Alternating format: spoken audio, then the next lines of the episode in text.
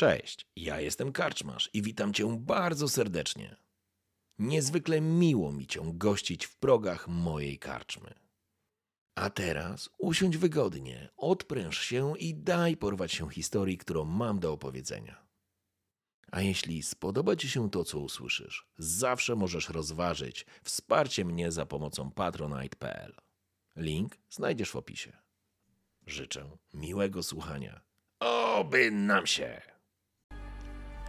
Szybin, miasto rodzinne Remka. I sytuacja, w którą się wplątał. Nie będziemy już powtarzać całej historii. W dużym skrócie Remek zajmuje się przerzucaniem, jest kurierem. Przerzuca towar pomiędzy Starym Szybinem a ludźmi z Wysokiego. Ludźmi Atamana, którzy handlują ze Starym Szybinem. Czym? Najczęściej prochami, bo nasz przyjaciel Remek potrafi opuścić Stary Szybin w ten sposób, że nie jest niepokojony przez służby pilnujące i odgradzające cały Stary Szybin od reszty Szybina. Mówimy rzecz jasna o naszych SRK, czyli siłach reagowania kryzysowego.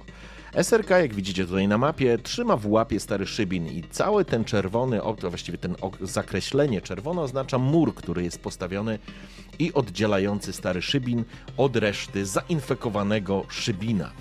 Rzecz jasna, jest to bezpieczne miejsce w kategoriach takich, że w Starym Szybinie nie ma zainfekowanych. Niemniej jednak, wiecie jak to jest. To jest autorytarne właściwie państwo w państwie, więc nie każdemu się to podoba. Niemniej jednak nasz Remek, który miał traumatyczne przeżycia, dekadę temu zginęła jego żona i jego syn, niestety zginęli z rąk zainfekowanych, a właściwie sąsiad Sąsiad zabił jego syna. A potem. A potem Remek musiał się pożegnać ze swoją żoną Ewą, która stała na balkonie.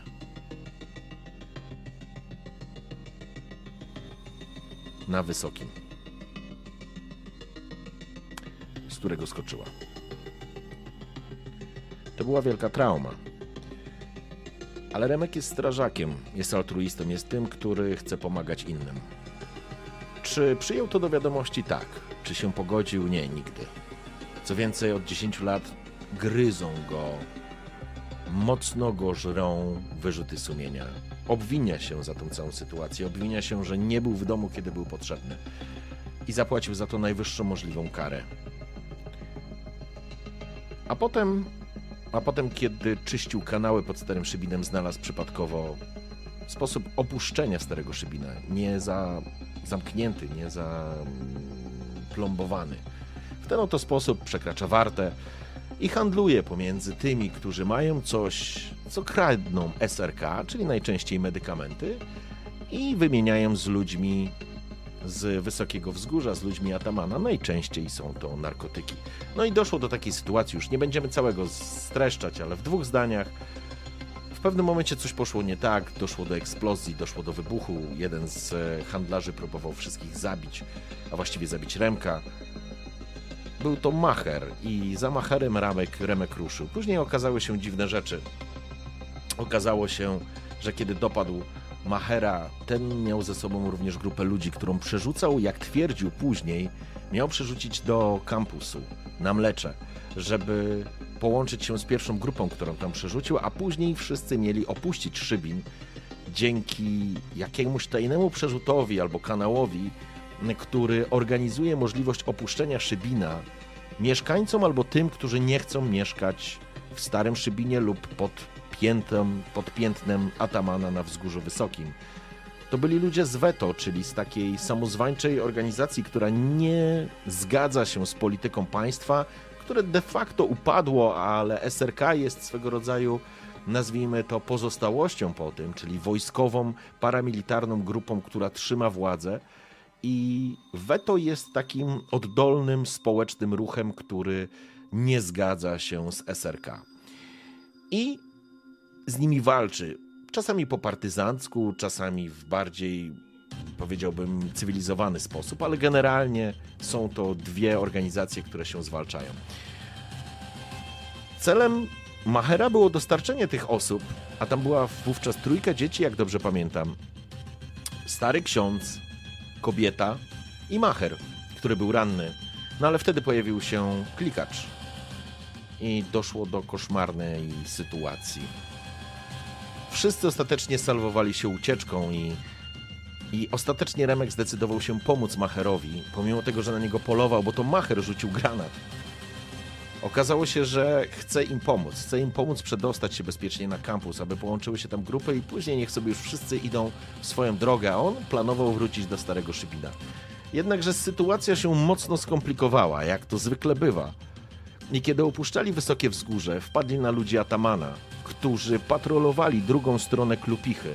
Zazwyczaj się tam nie zapuszczali, ale bojówki i kilka samochodów, w kilka samochodów przeczesywano ten obszar w poszukiwaniu kogoś. Wówczas jeszcze Remek nie zdawał sobie sprawy, że kogoś szukali. Myślał, że po prostu mieli pecha. Doszło do strzelaniny, ucieczki. Ostatecznie w tej ucieczce zginął ksiądz i macher.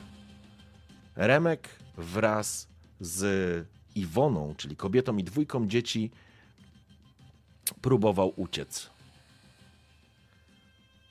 A dwójką dzieci? Tak, dwójką dzieci. I kiedy już udało się prawie dobiec do bezpiecznej kryjówki na Dębowym, dopadli ich zainfekowani. Remek robił wszystko, żeby ocalić całą trójkę. Ale niestety nie udało mu się.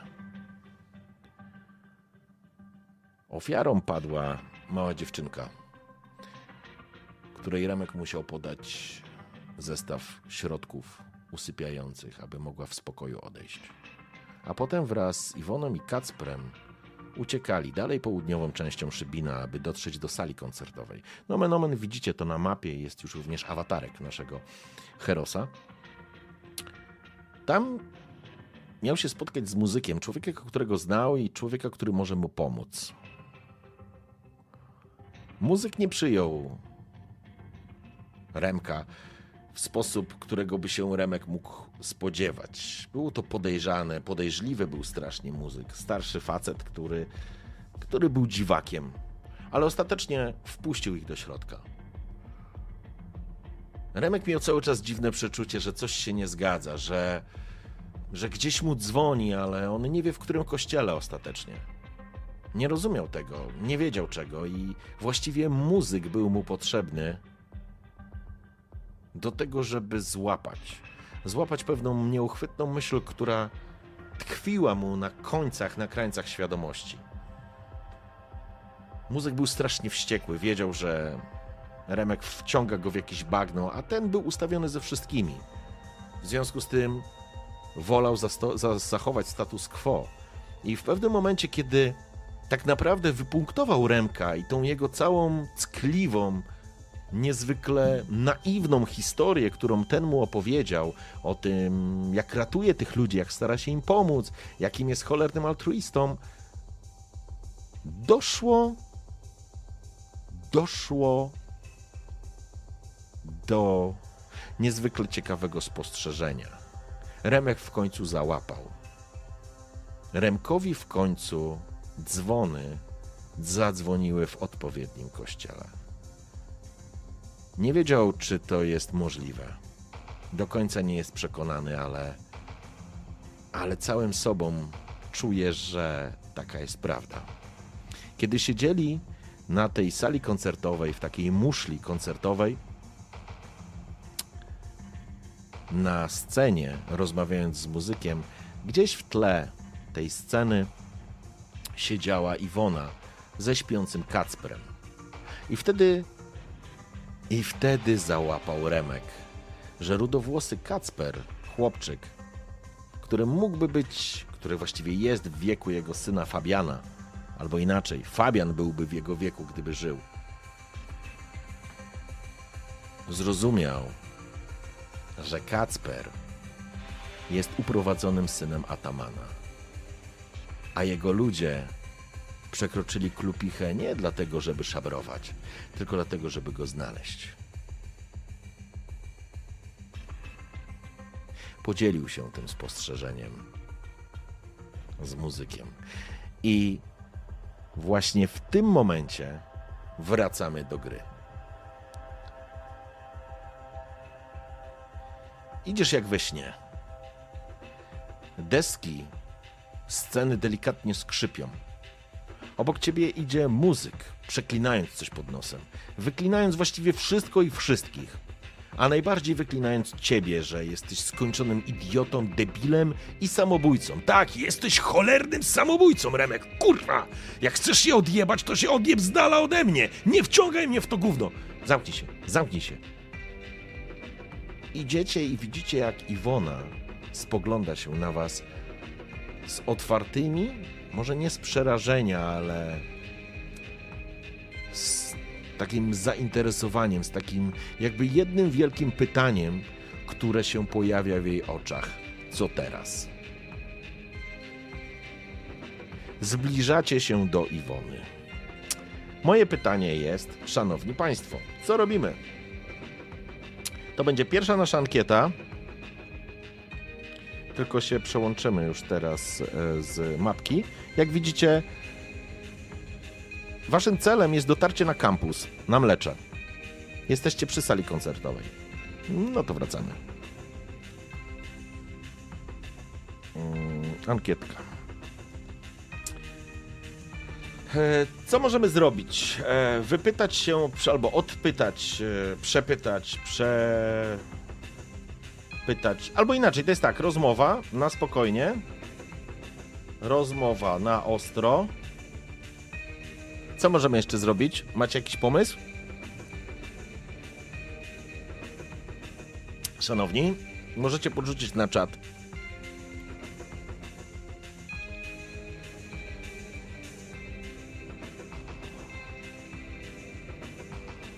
A... Zróbmy może w ten sposób. Rozmowa na spokojnie, rozmowa na ostro. Jakby milczenie. Co jeszcze możemy zrobić?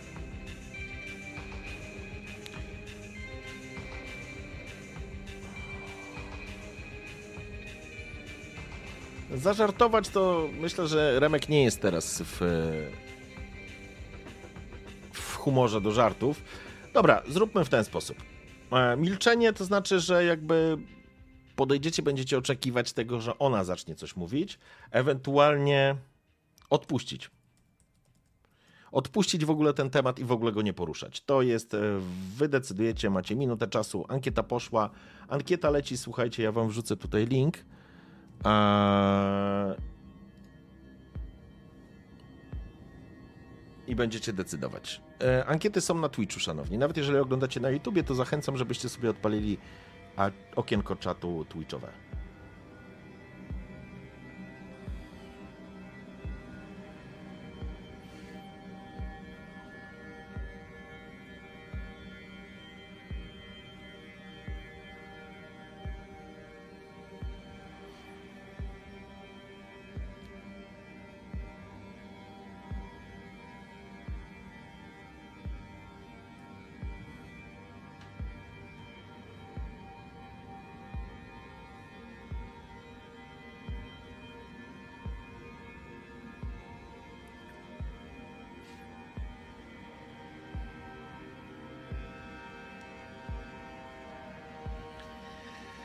Rozmowa na spokojnie. Ok.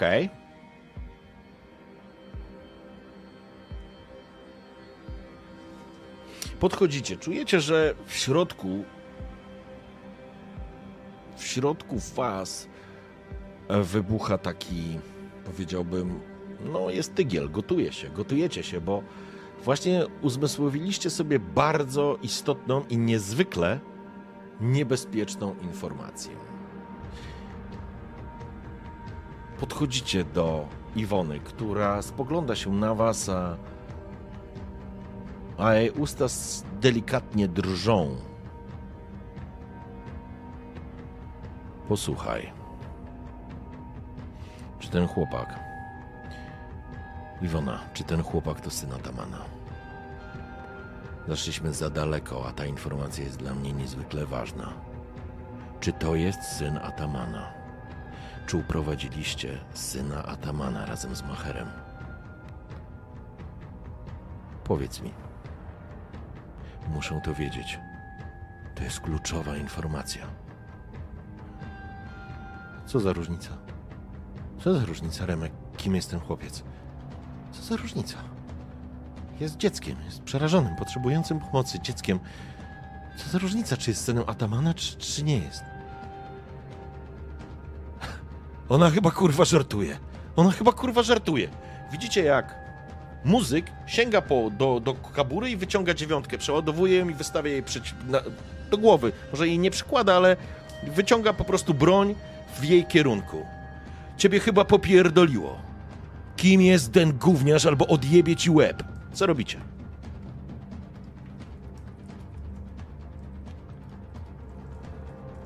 Powstrzymujecie. Powstrzymujecie muzyka. Wykorzystujecie przewagę. Wykorzystujecie przewagę, czyli zastraszenie. Wykorzystujecie zastraszenie, to bym tak zrobił. Straszenie. To będziecie wiedzieć. A powstrzymujecie muzykę, wykorzystujecie zastraszenie. Co możecie zrobić? Nic nie robicie. Zapraszam, ankieta leci na Twitchu. Jeżeli um, chcecie głosować, zachęcam, to wy decydujecie, w którą stronę pójdzie ta historia.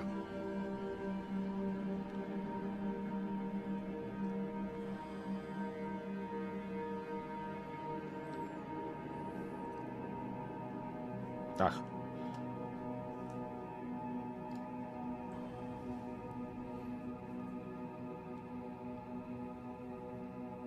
Kurde, brakowało mi tej sesji, powiem wam szczerze. Brakowało mi.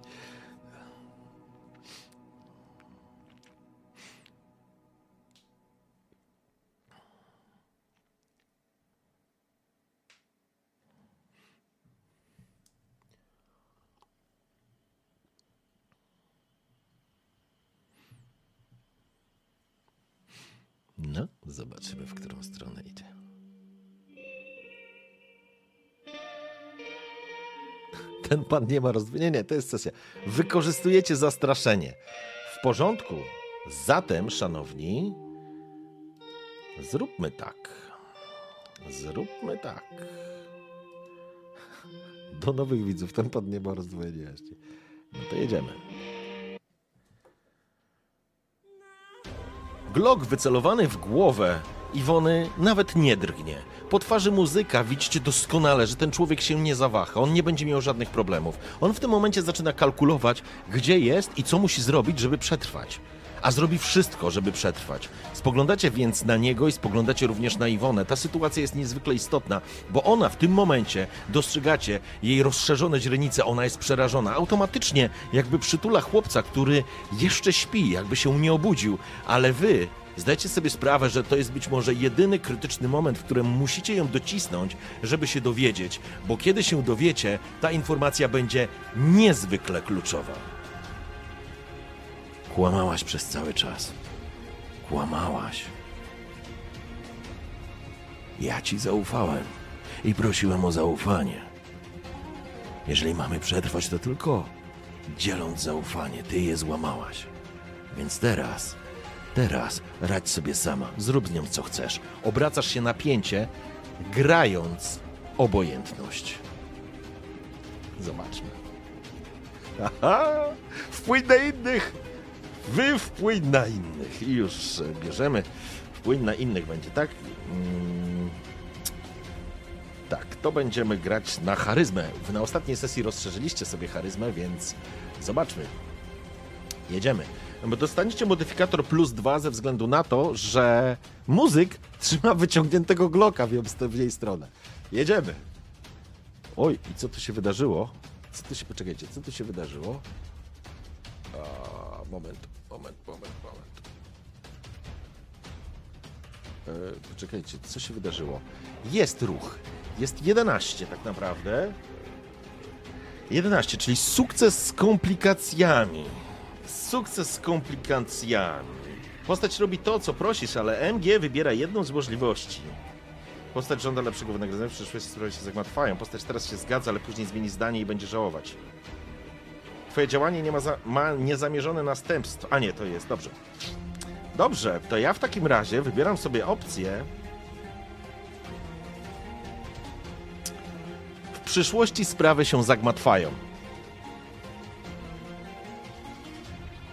Remek, proszę cię, nie odchodź. Ja wszystko powiem. Ja wszystko powiem. Teraz jest już za późno na wyznania. Nie, musisz, musisz mi... Tak, to, to jest Kacper, to jest syn Atamana. To, to jest syn Atamana. Syn Atamana? Syn Atamana. Remek, kurwa. Bullseye, dziesiątka, rozumiesz? Trafiliśmy. Remuś, kurwa, jesteśmy ustawieni do końca życia, rozumiesz? Ta gówniara, ta małolata. Ona wcale nie jest małolatą, ale z perspektywy muzyka ona może być traktowana jak małolata. On się obraca do was. A małolata ma syna Atamana. Wystarczy, wystarczy, że go oddamy. Rozumiesz, Remuś? Oddajemy mała, małolata, jesteśmy ustawieni, kurwa. Wszystkie nasze problemy znikają. Rozumiesz, Remek? Wchodzisz w to, Remuś? Sprawy się komplikują, czyli sytuacja, którą sobie przed chwilą wybrałem, czyli w przyszłości sprawy się zagmatwają. Wasza przyszłość jest niezwykle bliska waszej ostatniej decyzji. Tak, właśnie one się w tym momencie zagmatwały, bo zdajecie sobie sprawę, w 100% zdajecie sobie sprawę, że muzyk, który w tym momencie ma wyciągniętego Glocka, teraz się cieszy, jest rozradowany, bez mrugnięcia okiem. Zabije Iwonę i wyda chłopaka Atamanowi. Co robicie?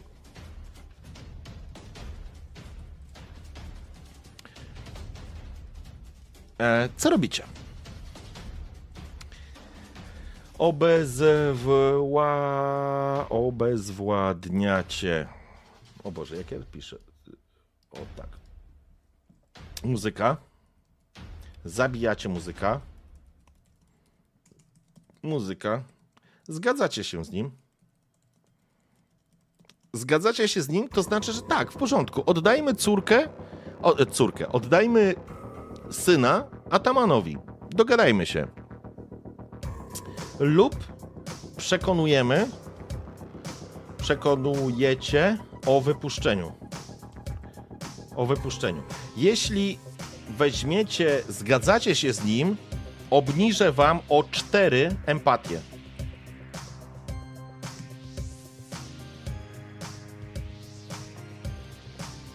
Wy w tym momencie jesteście altruistą na 8 versus 2 em, egoista. Czy macie jeszcze jakiś pomysł? Mm. Dobra.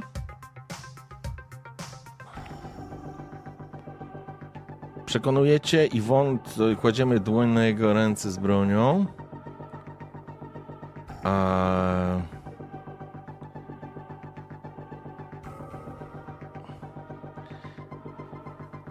Słuchajcie, możecie zdecydować w tym momencie, co, e, co robicie.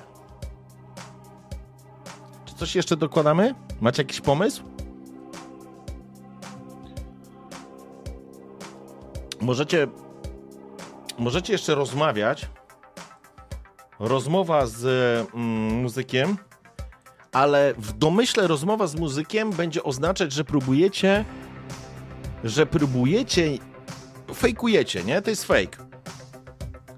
Że będziecie próbować z nim pogadać, żeby zminimalizować ryzyko, że coś może nie pójść. Pójść nie tak, bo na przykład będziecie chcieli mu wyrwać tą broń albo cokolwiek zrobić i nagle się okaże, że ups, nie wyjdzie i on was po prostu wywali magazynek, no nie będzie się szczypał.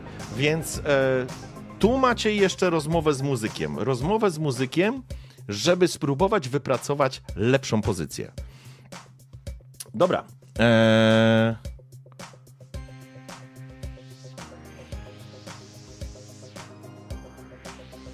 Lecimy.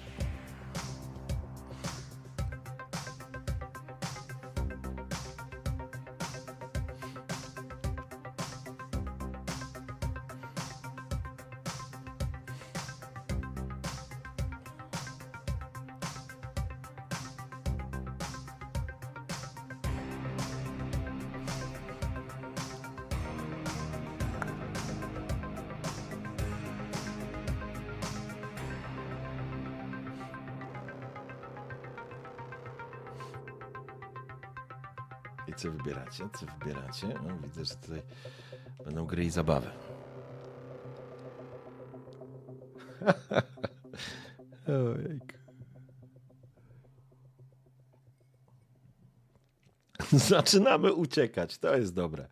Rozmowa z muzykiem. Dobrze, w porządku. Muzyk się cieszy. Ewidentnie, faktycznie wierzy w to, że to jest los na loterii. Remek, kurwa, to jest los na loterii, rozumiesz? Jesteśmy ustawieni. Spokojnie. Wychilluj i wyluzuj. Spokojnie, oni sobie tu siedzą. Nigdzie nie uciekną.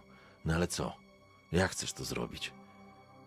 Pójdziemy do Atamana i powiemy, że mamy tą dwójkę? I co? Jak, jaki masz pomysł, słuchaj? Jaki masz pomysł, muzyk? Bo ja się trochę obawiam, że w tym całym szczęściu twoim nie wziąłeś pod uwagę tego, że po prostu Ataman pośle nam kulę w łeb i pośle nas do piachu. Jaki będziemy mieli z tego deal? Podoba mi się twoja wizja. Jest dla nas najbardziej korzystna. To jest dobre określenie. Jest najbardziej korzystna. Tylko trzeba to zrobić z głową. Spokojnie, spokojnie. Remek, kurwa, cieszę się, cieszę się, że rozumiesz. Za długo przeżyli, przeżyliśmy w tym gównie, żeby się rozcykliwać. Masz rację, masz rację, Remek. Za długo. E, nie Remek, tylko mm, muzyk. Za dużo tego wszystkiego. Mam dosyć tego gówna. Czas się ustatkować. No właśnie, Remek, a po tym temacie, chłopie, Ataman ozłoci nas. Będziemy mogli w końcu przeżyć resztę naszego życia w miarę spokoju, z dala od tego gówna. Brzmi jak plan. Brzmi jak plan. No dobra, to jak chcesz to zrobić? Jestem przekonany, że oni się tu zjawią. Skoro was szukali, na pewno to przyjadą, żeby się podpytać. Jestem przekonany, że wrócą. Będą jeszcze raz się pytali. A wtedy na złotej tacy. Zaraz, zaraz, ale. Muzyk. Ale jeżeli oni wiedzą, że ja tam byłem? Gdzie tam? Gdzie tam? Ty, ty chłopie nie żyjesz.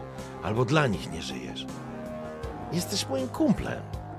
Działamy sobie tutaj wspólnie, robimy interesy. No, jak starzy dobrzy znajomi. Skąd wiesz, że wiedzą o tobie? Nie mogą. Był Macher, Macher był kretynem. A ty, ty jesteś spoko gość. A teraz, a teraz przyniosłeś pierdolony kupon lotto, chłopie. Szkoda, że już nie ma zakładów. Właśnie bylibyśmy milionerami. Myślę, że właśnie w ten sposób ludzie się czuli, kiedy wygrywali w te cholerne lotto. Coś w tym jest. Coś w tym jest. Dobrze. Ja teraz rzucę sobie, słuchajcie, na wpływ na innych, żeby zobaczyć, czy uda się Wam wypracować lepszą pozycję do bardziej. Hmm, do dalszych działań. Związanych z muzykiem, rzecz jasna. Rzucam na charyzmę.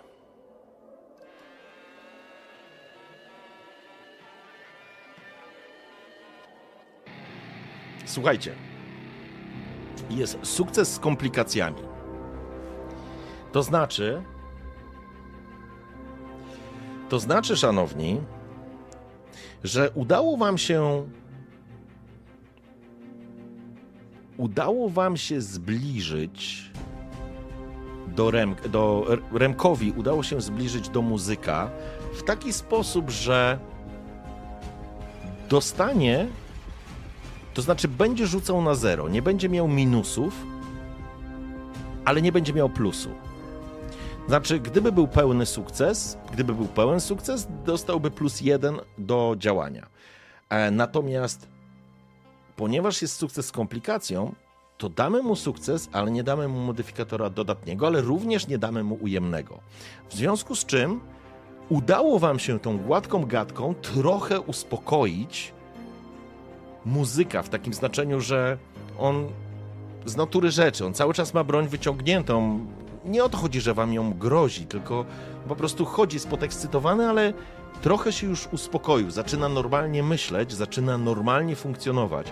I teraz jest pytanie do was, szanowni, czy wy chcielibyście, co byście chcieli zrobić z nim w takim razie?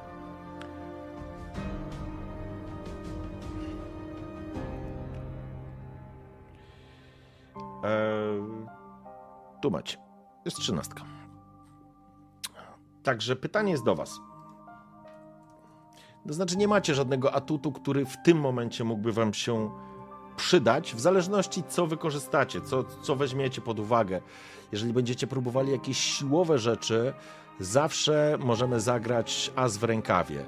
Um, to nam da na przykład że posiadacie jakąś niewielką ukrytą zabójczą broń, sztylet lub coś podobnego, które możecie niezauważenie dobyć, jeżeli wam wyjdzie. Sztuka przetrwania to nie, ale.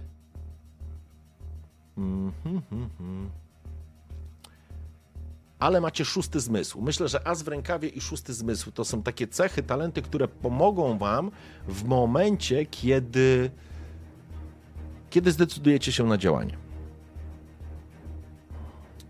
Więc e, moje pytanie brzmi: jesteście na tyle blisko, że możecie zacząć działać. Czy obezwładniacie go? Zabijacie. Przekonujecie.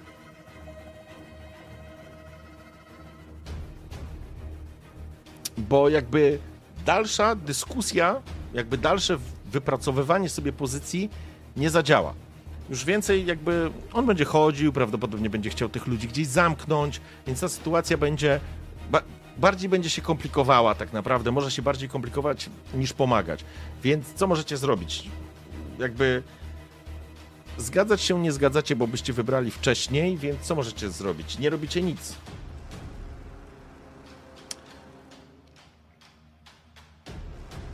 Dobra. Jedziemy.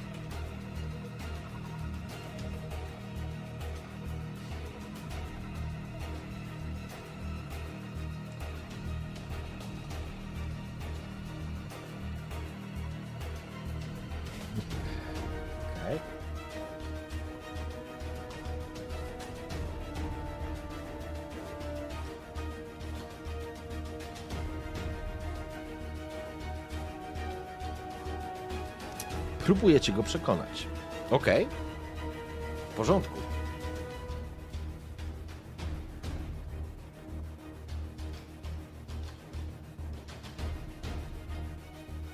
Jakby rozumiem, że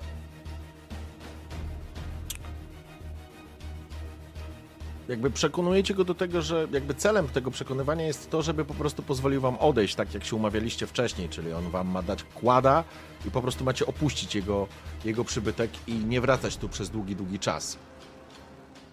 Więc dobrze, e, spróbujmy w takim razie ponownie wpłynąć na innych, ale żeście sobie trafili z tym rozwojem na charyzmę. Piękna sprawa. E, czy możecie coś, e, ewentualnie szósty zmysł, gdyby gdyby coś nie poszło, bo powiem wam tak, jeżeli nie przekonacie y, muzyka, to muzyk może potraktować was jako zagrożenie. Wtedy będziecie mieli jeszcze szósty zmysł, czyli sytuację, w której będziecie mogli zadziałać nawet pierwsi, więc y, zobaczymy. A co z tego y, wyniknie? Jedziemy, wpłyń na innych. No to trzymam za was kciuki. Poszło. Sukces z komplikacjami, szanowni. Sukces z, kompliko- z komplikacjami.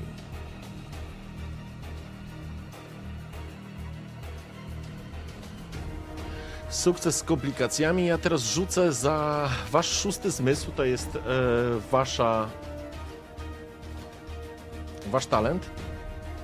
12. Przy dwunastce możecie mieć, słuchajcie, do dwóch możliwości i wybieracie w dowolnym momencie sesji.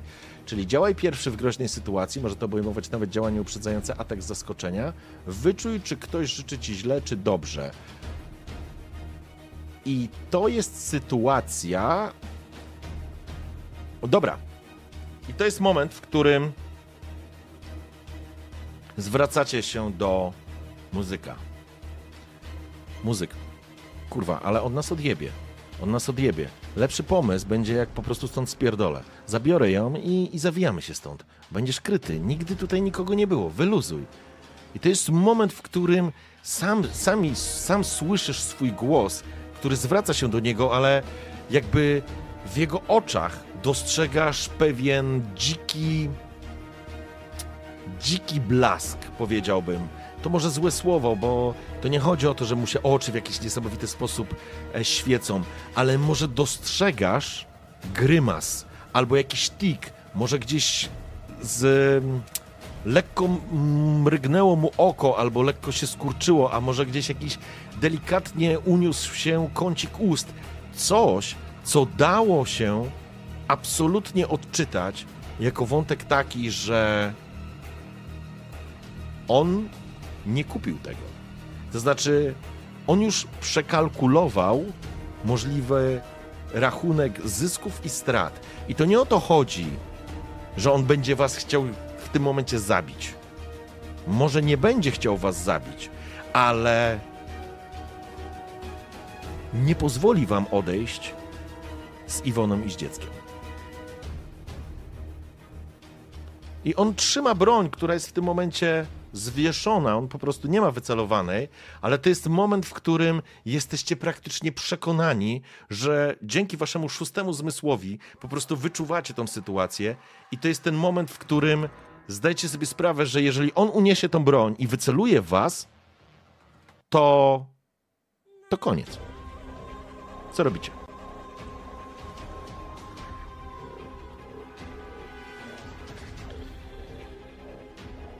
Gdyby nie szósty zmysł, stanęlibyście przed faktem dokonanym. To znaczy, on by właśnie mierzył was bronią. Ale macie ten szósty zmysł, więc pozwolę wam, pozwolę wam e, po pierwsze wyczuć to, po drugie działać pierwszy. Działać pierwszemu. To jest jakby wasza, mm, wasza możliwość. A, czyli tak, rozbrojenie, rozbrojenie, obezwładnienie, nie? Zabicie. Poddanie się. Jedziemy.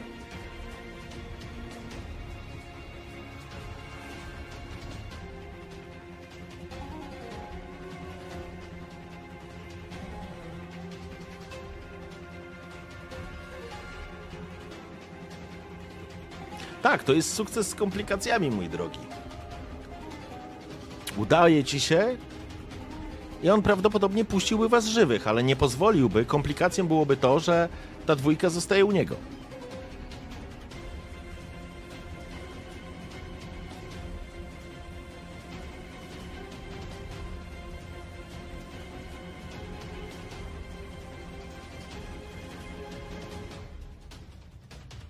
Trzynasty miesiąc, Silis. Dziękuję pięknie.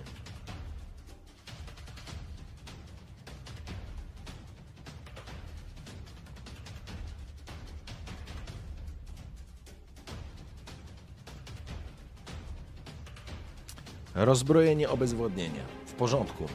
Zadziałacie jako pierwsi, więc e, dam wam plus jeden do przystąp do walki i zobaczmy, co z tego wyjdzie.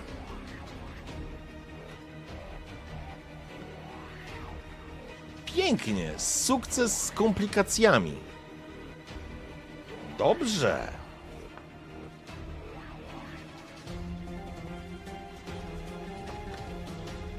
Sukces z komplikacjami, moi drodzy.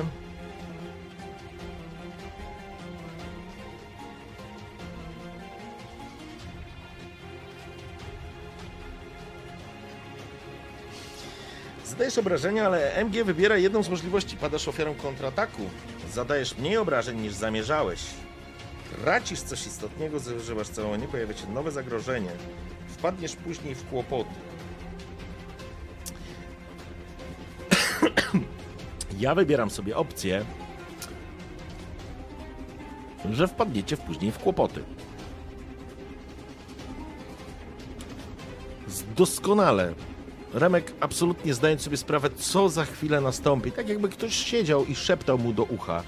Dostrzega, jak ten grymas, jak ten delikatny tik nerwowy pojawia się na twarzy muzyka, który po próbuje podnieść i wymierzyć w was broń, ale w tym momencie wy doskonale zdajecie sobie sprawę, co się wydarzy.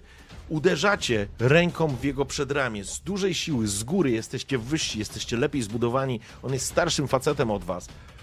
Uderzacie go, uderzacie go w, w przedramię na tyle mocno, że aż zapiszczał z bólu, upuszczając broń. Wy, wytrącacie mu ją, po prostu wypada mu z, z obolałej dłoni, z obolałej ręki. Później wy z drugiej strony wy, wyprowadzacie lewego sierpowego, który po prostu powala muzyka na ziemię. On dostaje strzał, pada na glebę, wszystko się dzieje na środku tej sceny. On pada, pff, wypluwa ślinę z krwią. Kurwa, Remek! Dopadacie go, z, z, łapiecie jego ręce, wykręcając do tyłu, ściągacie mm, pas, który macie przy sobie i związujecie mu ręce pasem. Spokojnie, muzyk, kurwa, spokojnie mówiłem. Spokojnie odjebało ci co? Ich co, kurwa, chcesz, debilu, porozmawiać z Atamanem? Co chcesz? Co myślisz, że on cię, kurwa, złoci? Pojebało cię? Ile ty żyjesz na tym świecie? Obracacie go, jego twarz jest jego twarz może nie jest już spuchnięta, ale jest rozmazana krew na jego policzkach. Na jego policzku jego, jego oczy są takie z wściekłością, wpatrują się w ciebie, próbuje splunąć, wypluje, wypluć tą krew z ust. Kurwa, Remek, kurwa, Remek, co ty... Zajebie cię, oni cię zajebią, już kurwa nie żyjecie. Uspokój się, kurwa. Uspokój się, nie chcę cię zabijać, mógłbym cię zabić. Po co ci to? Po co ci to, muzyk? Umówiliśmy się, chciałeś mnie wypuścić, dogadaliśmy się, mieliśmy wyjść na zero, miałem wziąć twojego kłada i stąd wyjechać. Ja nic więcej od ciebie nie potrzebuję, muzyk, rozumiesz? Wyluzuj, kurwa. Wyluzuj i pomyśl, kurwa, pomyśl. Chcesz swoją przyszłość budować, kurwa, na śmierci tego dzieciaka? Chuj mnie on obchodzi. Chuj cię to obchodzi.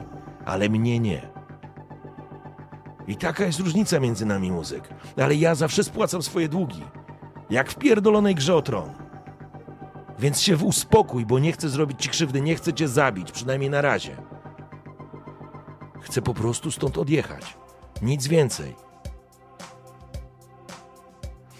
Muzyk wierzga się, ale po chwili to powietrze z niego schodzi.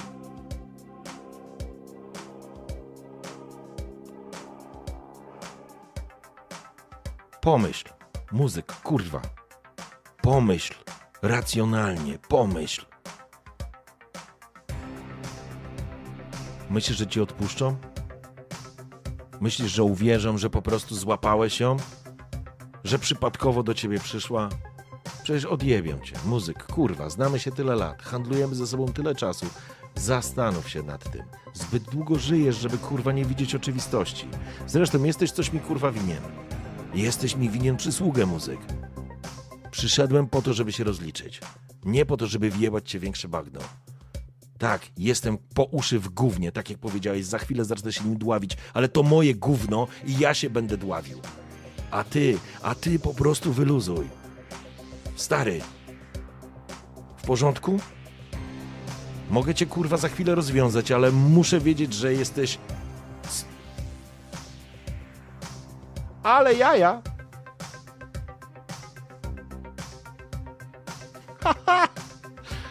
o kurde!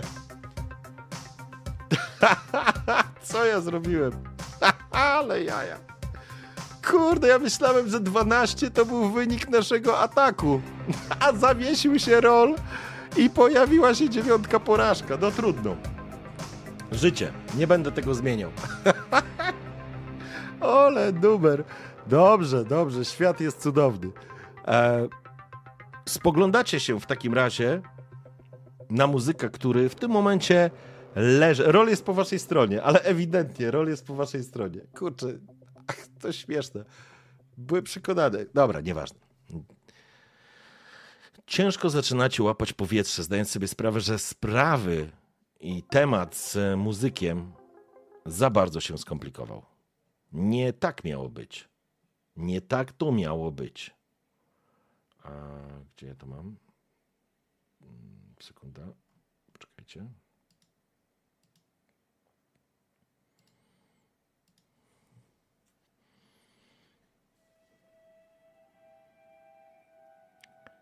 Ciężko łapiesz oddech. I teraz rzucam, szanowni, za waszą komplikację, czyli poczucie winy. Zobaczmy. No patrzcie. Faktycznie, kochani, faktycznie ten rol jest dzisiaj po waszej stronie. Macie dzisiaj farta. W porządku. Absolutnie żadne myśli dotyczące waszej przeszłości ani poczucia winy w tym momencie was nie nękają. Ale chodzicie wzdłuż tej sceny, zastanawiając się, co dalej.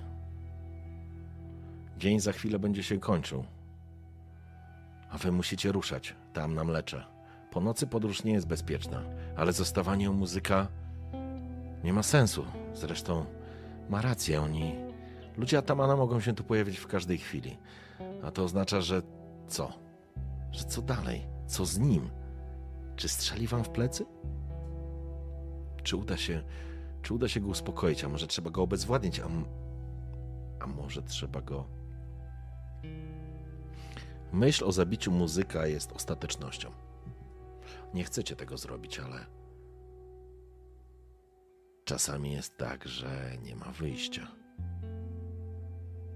Kątem oka spoglądasz na Iwonę, która obejmuje wtulającego się w nią Kacpra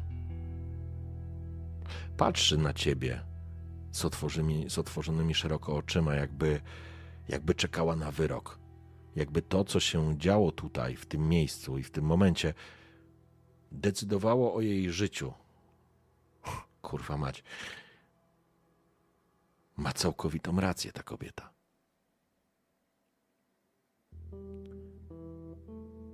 Chodzicie wzdłuż. Po scenie rzucając wzrokiem na puste siedzenia. Macie wrażenie, że na widowni siedzą mieszkańcy Szybina. Przyglądają się wam z zaciekawieniem, jakby oglądali spektakl. To kretyńskie, to bez sensu, to w ogóle pozbawione jakiejkolwiek racjonalnej nuty myśli, które kłębią się w głowie Remka, który jest już zwyczajnie zmęczony tak zwyczajnie i po ludzku. Ile można? Na ile jeszcze starczy mu pary, energii, determinacji, żeby dowieść to do końca? I, i co jest końcem tej historii?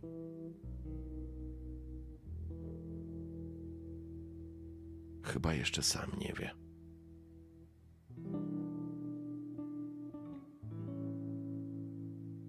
Zataczasz wzrokiem po pustej widowni.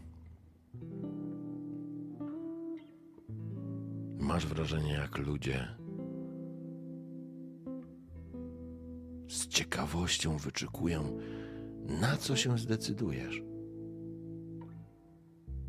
Co dalej? I gdzieś tam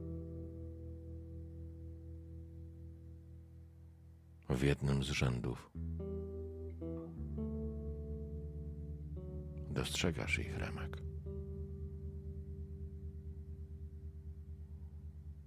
Siedzą i patrzą. Ewa i, i Fabian. Trzymają się za ręce i tego, że dzielicie tak wielką odległość, masz wrażenie, jak mała dłoń Fabiana mocno zaciska się na, na dłoni Ewy. Jakby wpatrywał się i czekał tak jak wszyscy inni. I Ewa, której spokojne oblicze nawet w tej sytuacji powoduje, że że chociaż przez chwilę chciałbyś zawinąć do tej bezpiecznej przystani, którą była zawsze dla ciebie. Ostoją, opoką, wyciszeniem, kimś, kto pozwalał ci zebrać myśli, ułożyć je w głowie, wyzbyć się emocji, agresji, zwolnić.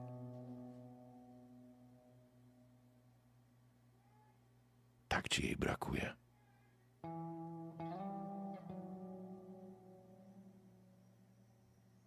Tak bardzo byś chciał, żeby ci powiedziała, co zrobić, co dalej. Ale wśród rzędów pustych ławek i ścian sali koncertowej, które w wielu miejscach popękały i udostępniły czy ustąpiły miejsca konarom drzew czy korzeniom. Słychać tylko ptaki latające pod czaszą. Łopot ich skrzydł roznosi się echem. A twoja sytuacja, Remek, masz wrażenie, że nie była jeszcze tak skomplikowana.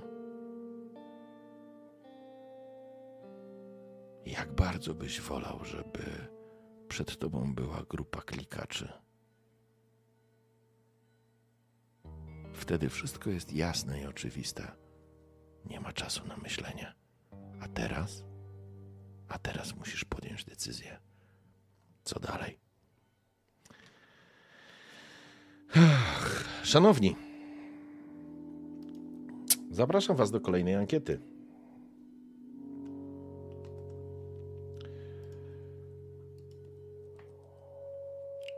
Co będziecie robić dalej?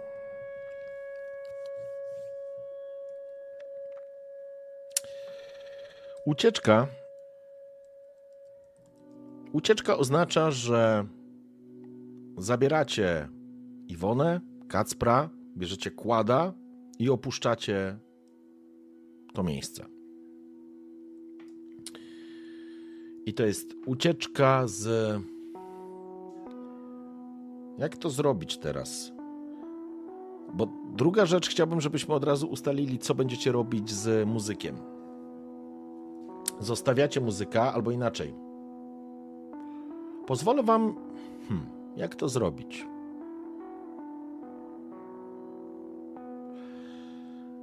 ucieczka związany, czyli zostawicie go po prostu obezwładnionego.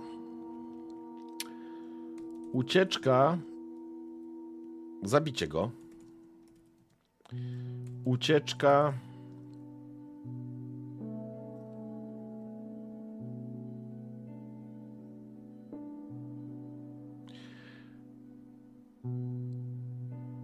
Zaufacie mu co oznacza, że rozwiążecie go. Co jeszcze możemy zrobić?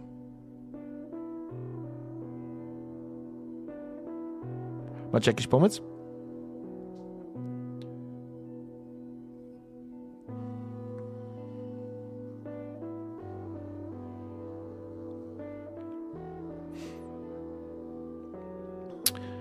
Nie będzie chciał iść z wami absolutnie nie będzie chciał iść z wami i to absolutnie jesteście tego przekonani. Do tego przekonani. No musielibyście go targać na siłę. Pytanie, czy chcecie. Zresztą macie już dwójkę. No i na kładzie posadzicie młodego między was i pojedziecie kładem, a tak to nie pojedziecie. Nie bardzo jest opcja zabrać go ze sobą. No dobra, lećmy. Czy komplikacja została wykorzystana? E, nie, jeszcze nie.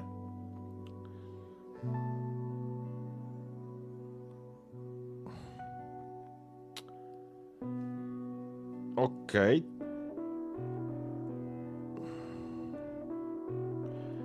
Okej, okay, może mogę z ucieczka. Znaczy, ja zakładam, że jeżeli zostawicie go związanego, to zostawicie go tak, że on po jakimś czasie się będzie mógł uwolnić to raczej w tych kategoriach, no bo na pewno ma tu swoje sposoby na to, żeby zrobić. No chyba, że wiecie, ale to by było równoznaczne z zabiciem go, więc zakładam, że związany to jest tak, że po prostu dajecie sobie czas.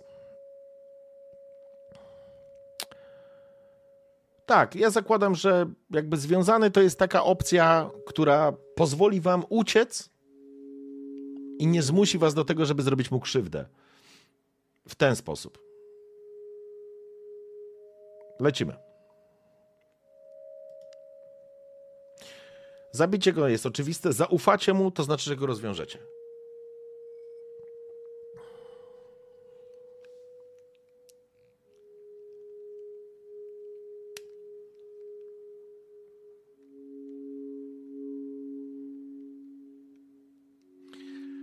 Zdajcie sobie sprawę, że zostawanie tutaj na noc jest niebezpieczne. Niebezpieczne dlatego, że ludzie Atamana mogą się pojawić.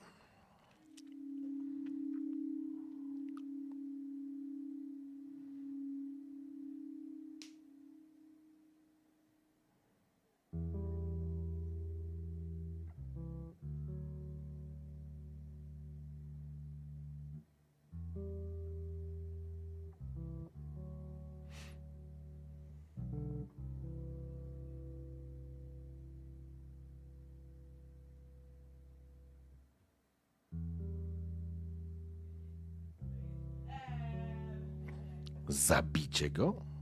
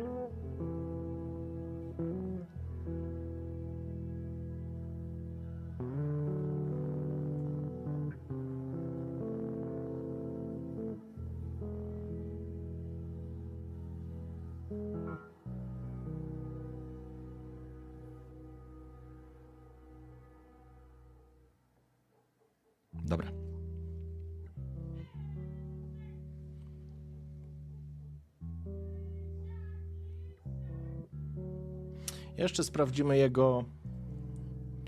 Sprawdzimy jego empatię. Jest altruistą na 8, egoistą jest na 2.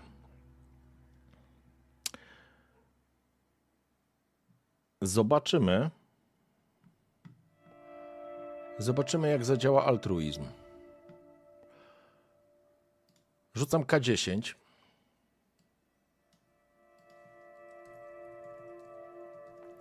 Rzucam K10. Jeśli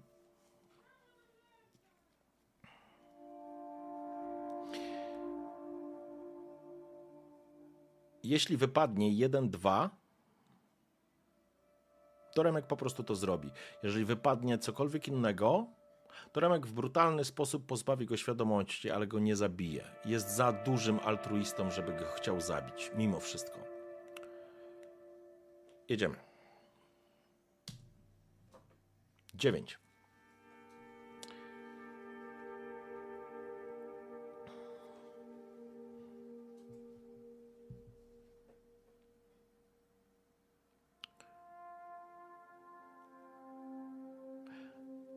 Remek zdecydowanym krokiem podszedł do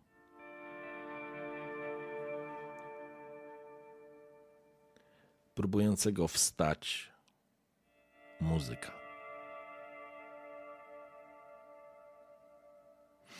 Kucnął nad nim.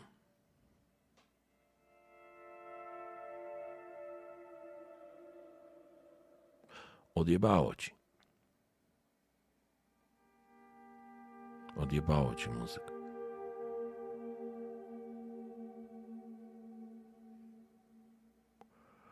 Prostu ci odjebało. Gdybym myślał tak jak ty, to bym cię zabił. Musiałbym cię zabić.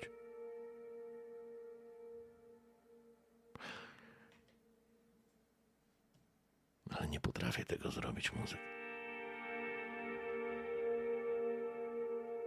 Może zapłacę za to najwyższą cenę, ale. Przyjdzie czas, że tego się nauczę, muzyk. A wtedy jeszcze jeden taki numer i po prostu cię rozwala. Co ty pierdolisz? Moment, w którym. Moment, w którym Remek wyciągnął swój pistolet, chwycił go i uderzył w głowę muzyka. To było błyskawiczne.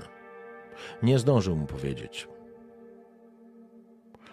Nie zdążył mu tego powiedzieć. Uderzenie było mocne. Pozbawiło go przytomności. Karą za to będzie minus dwa do altruizmu. W związku z tym egoista wskakuje na 4, a altruista jest na 6.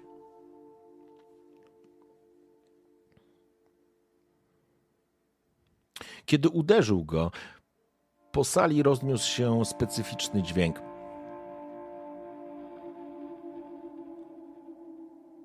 Chyba Iwona jęknęła z takiego z przestrachu.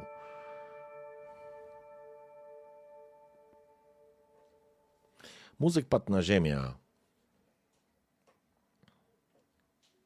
a Remek sięgnął po swój pasek, założył go z powrotem, ściągnął pasek muzyka i związał go nim.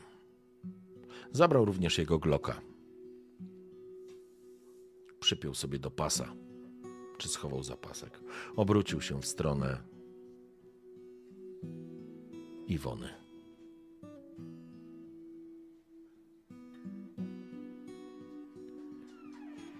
Czy jest jeszcze coś, czego mi nie powiedziałaś?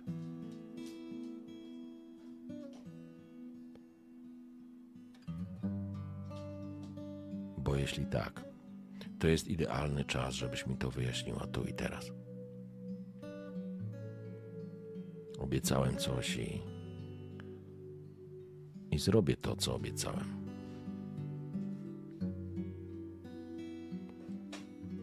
Ale jeśli jeszcze raz mnie oszukasz, nie będę miał żadnych wątpliwości. I zostawię cię. I wiesz, że nie przeżyjesz.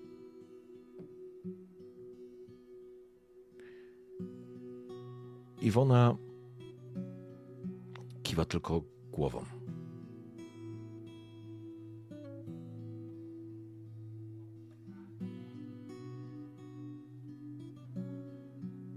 Idziemy. Musimy już iść.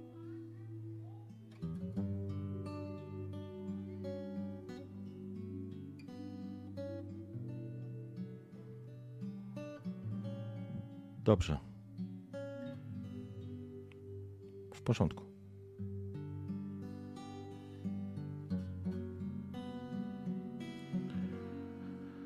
Poczekaj tu. Ja przygotuję kłada.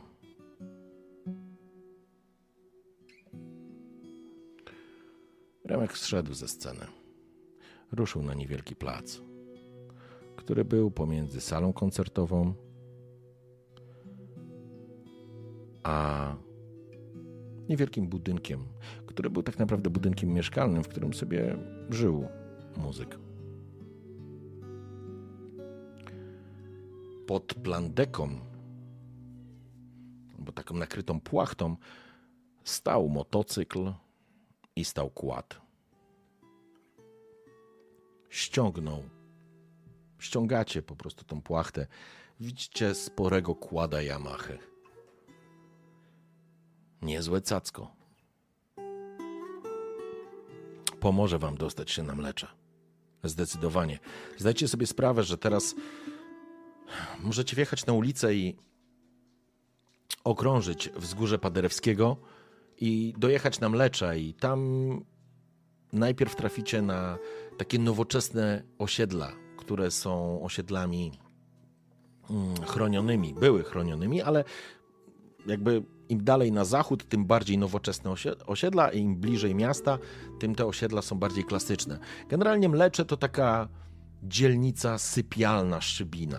Więc jeżeli wyruszycie teraz, to powinniście krótko po zmroku gdzieś spróbować znaleźć miejsce, w którym moglibyście się przespać i odpocząć, bo musicie odpocząć.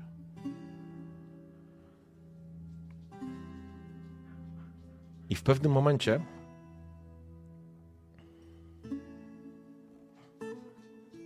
kiedy siadacie na kład, kluczyk jest w stacyjce, przekręcacie go i zapuszczacie silnik. Kiedy zawarczał silnik, poczuliście spaliny i poczuliście pod sobą, że ta mała bestia zaczęła terkotać w rytmie nadawanym przez, przez sam kład. Usłyszeliście huk. Prosty. Idealnie wam znany. Rozniósł się echem. A ponad kopułę wzleciały ptaki.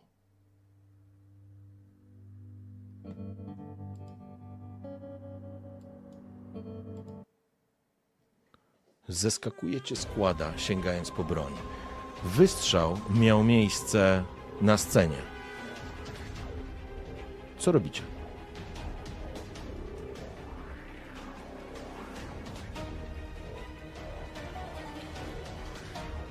Skradacie się na scenę. Wpadacie na scenę. Co jeszcze możecie zrobić? Uciekacie. Tylko bez sensu. No nie uciekniecie bez tej. Macie jeszcze jakiś pomysł?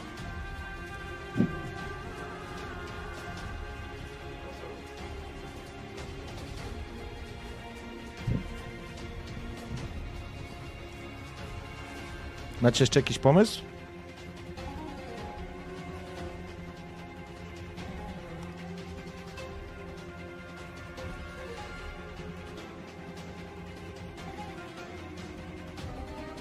Tak, oni zostali. Oni zostali e, na scenie, bo Remek poszedł przygotować kłada i poprosił ich, żeby zostali.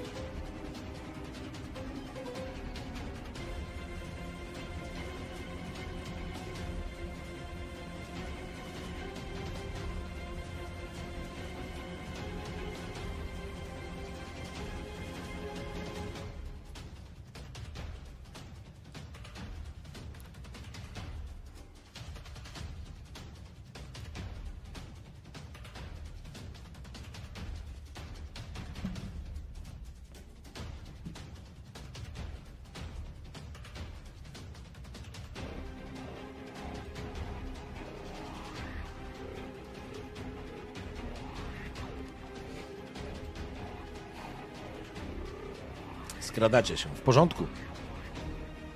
Ruszacie zatem, lekko przygarbieni, ale takim truchtem w kierunku sceny. To są niewielka, niewielka odległość. Właściwie huk wystrzału był bardzo wyraźnie słyszalny. I jeszcze ta kopuła, nazwijmy to amfiteatru, spotęgowała ten wystrzał, więc wszyscy, którzy mogliby to usłyszeć, absolutnie musieli usłyszeć ten dźwięk wystrzału, przynajmniej w okolicach wzgórza Paderewskiego. Więc biegniecie z wyciągniętym glokiem, który macie przy sobie i zbliżacie się w tamtą, w tamtą stronę. Kiedy podchodzicie, dyskretnie przyklejeni do ściany, próbując wyglądnąć, co się dzieje z odpowiedniego kąta, dostrzegacie następującą sytuację.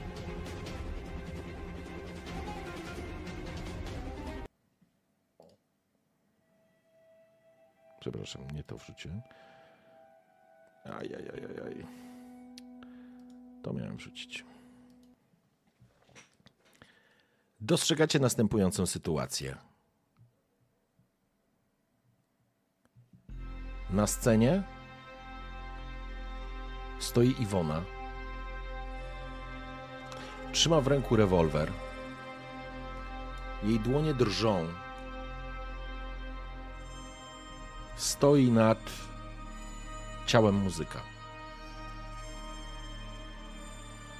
Jest rozdygotana.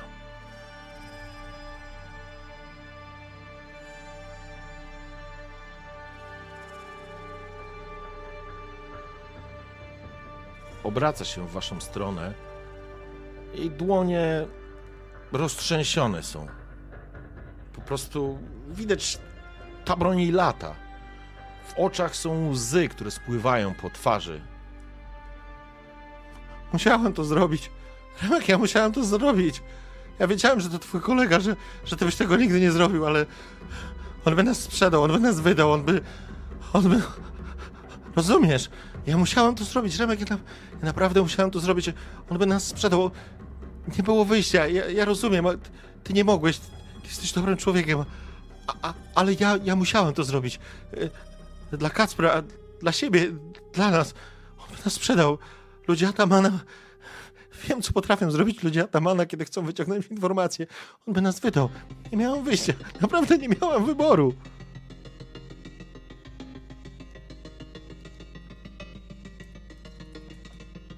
Co robicie? Uspokajacie ją.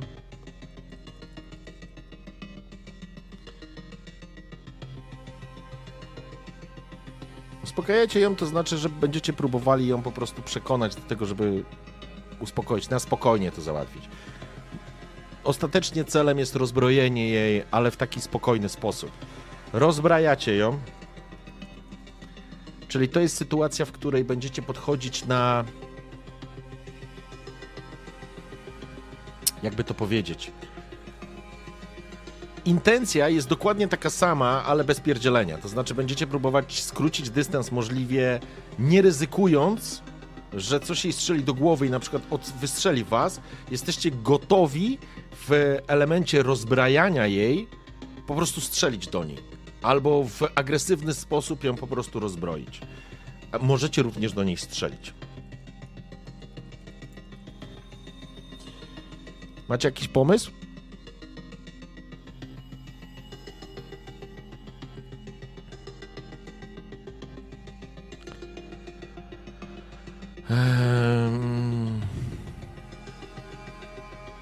Dobra, odpalamy. Poszło.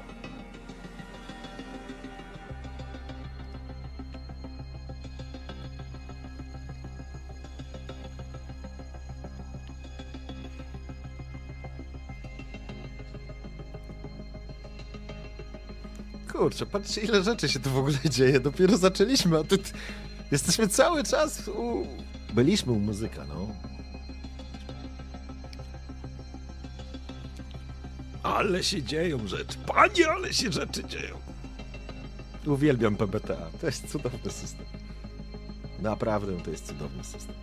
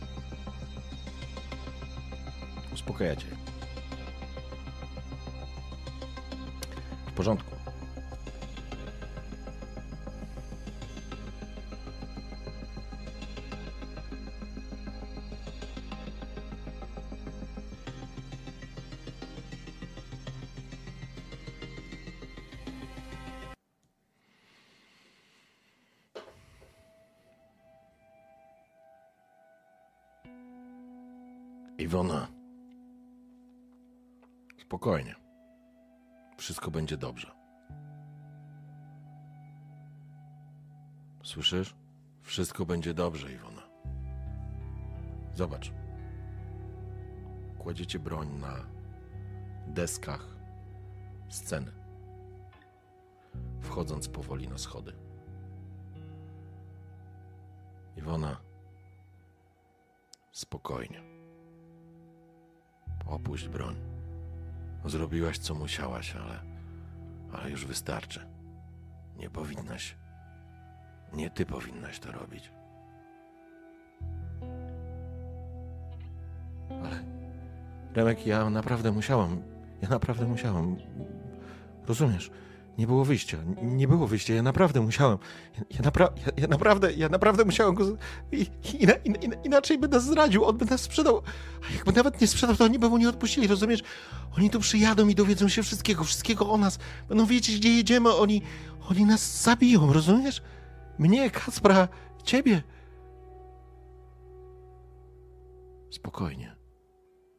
Nikt nikogo już więcej nie zabije. Jedziemy na kampus. W trójkę. Skracacie dystans. Odległość między wami to jakieś 15 metrów. Posłuchaj.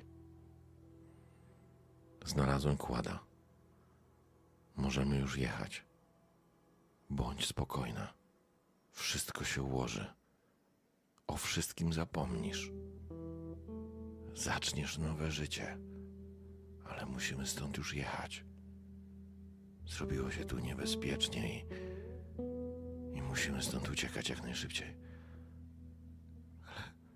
Ale, wybaczysz mi. Wybaczysz mi. Ja naprawdę, naprawdę musiałam. To...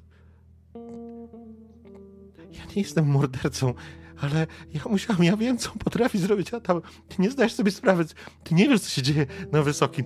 Nie wiesz, naprawdę nie wiesz. Spokojnie.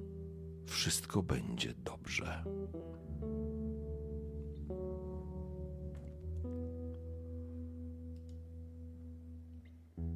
Powiem wam, że dzisiaj cały czas rzucamy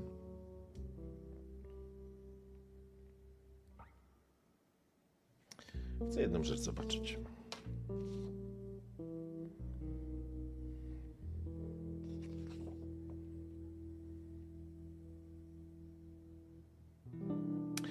Wiecie co? To nie będzie wpłyń na innych. Zrobimy działanie pod presją. Macie lepsze nawet statystykę, bo opanowanie macie na 3, a charyzmy na 2, więc zobaczmy, jak to zadziała.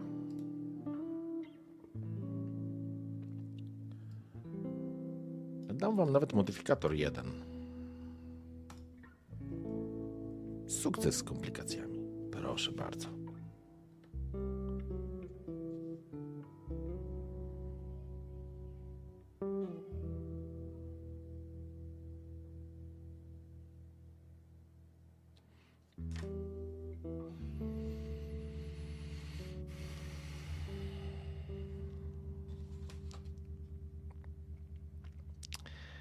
Udaje wam się. Jednak działacie z opóźnieniem lub sprawy się gmatwają. MG opisuje nieoczekiwane skutki, wysoką cenę lub trudny wybór. Prawie robi dużą różnicę.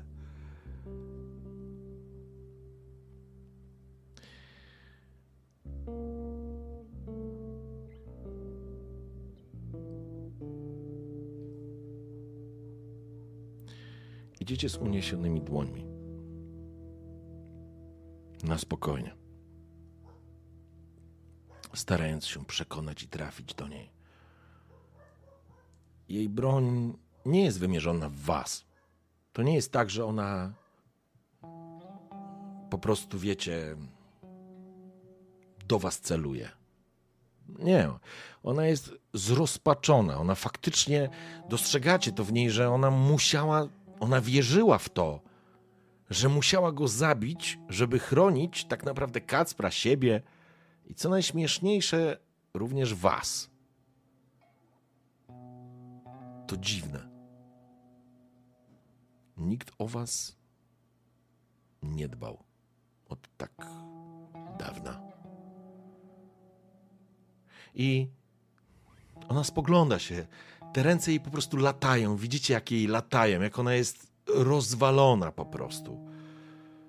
I zbliżacie się do niej, żeby podejść i ją uspokoić. I kiedy podchodzicie do niej, ona właściwie opuszcza tą broń.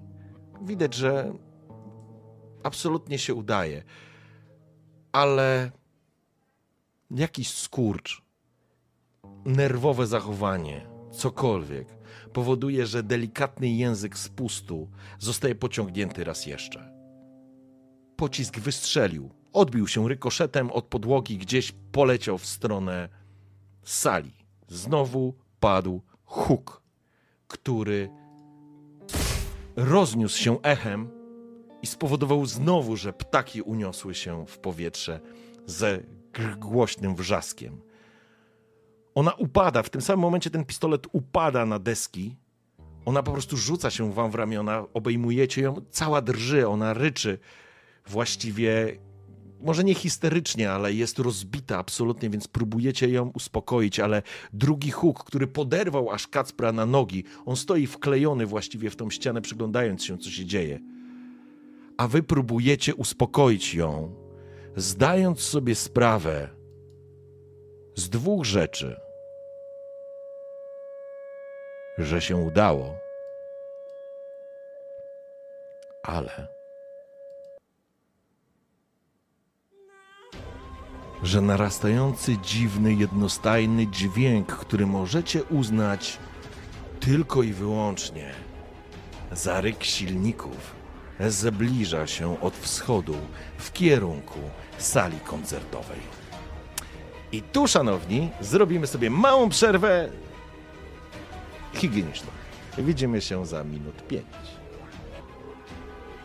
Witam po krótkiej przerwie. Muszę zaktualizować tych Warriorsów, bo chyba dlatego się coś tam sypało, bo jest jakaś nowa, nowa aktualizacja. Szanowni, zatem wracamy do naszej sesji. Sprawa wygląda następująco. Zdajecie sobie sprawę, że w kierunku w kierunku tej sali koncertowej będą jechać, albo inaczej, jadą najprawdopodobniej ludzie Atamana. Specyficzny, ten specyficzny ryk silników automatycznie wam to jakby mówi i to jest kwestia pewnej odległości. Jedyna szansa w tym momencie, aby uciec z tego, albo inaczej nie pchać im się prosto w łapy, to nie wyjeżdżanie na główną ulicę, tylko wjechanie bezpośrednio na samo wzgórze, na samo wzgórze Paderewskiego. Samo wzgórze Paderewskiego jest specyficznym miejscem, to znaczy specyficznym. Jest częścią e, dzielnicy Mleczej. Tutaj na samym wzgórzu znajdują się ścieżki rowerowe o różnych poziomach trudności. Jest e, na zboczu taka, albo u podnóża od strony północnej jest strzelnica paintballowa, e, są wspinaczkowe parki linowe. Generalnie jest tutaj dużo takich atrakcji, mm, powiedzielibyście inaczej. Było dużo atrakcji, za czasów, kiedy jakby, no, umówmy się, nie doszło do apokalipsy. Zatem, jeżeli wsiądziecie na tego kłada i ruszycie w stronę, e, w stronę wzgórza, jesteście w stanie zgubić albo utrudnić pościg e, ścigającym i być może przy odrobinie szczęścia uda wam się wyjechać, zanim oni zorientują się, że ktoś tu w ogóle był. Albo inaczej, zorientuję się, że ktoś tu był na pewno, bo było, były, były po prostu strzały i, było i wiadomo, że tu coś się dzieje. Natomiast um, będziecie mieli przewagę podczas ucieczki. Także, szanowni, wracamy do naszej sesji. E, Iwona jakby w ogóle nie orientowała się, co się dzieje, ale wy już doskonale zdajecie sobie sprawę, że czas już minął, że tutaj już niczego nie ma. Odsuwacie ją delikatnie od siebie. Iwona, musisz mnie posłuchać. Jadą tu teraz ludzie Atamana. Musimy wsiadać na kłada i uciekać przez wzgórze, a potem zjedziemy między blokowiskami i tam gdzieś znajdziemy jakieś miejsce, żeby się przespać i odpocząć. Ale teraz musimy stąd wyjechać, zanim oni tu przyjadą i za nami ruszą. Rozumiesz? To są nasze ostatnie sekundy na to, żeby znaleźć jakąkolwiek przewagę. Rozumiesz? Bierz Kacpra i spotykamy się na dole. Ja wezmę tylko broń.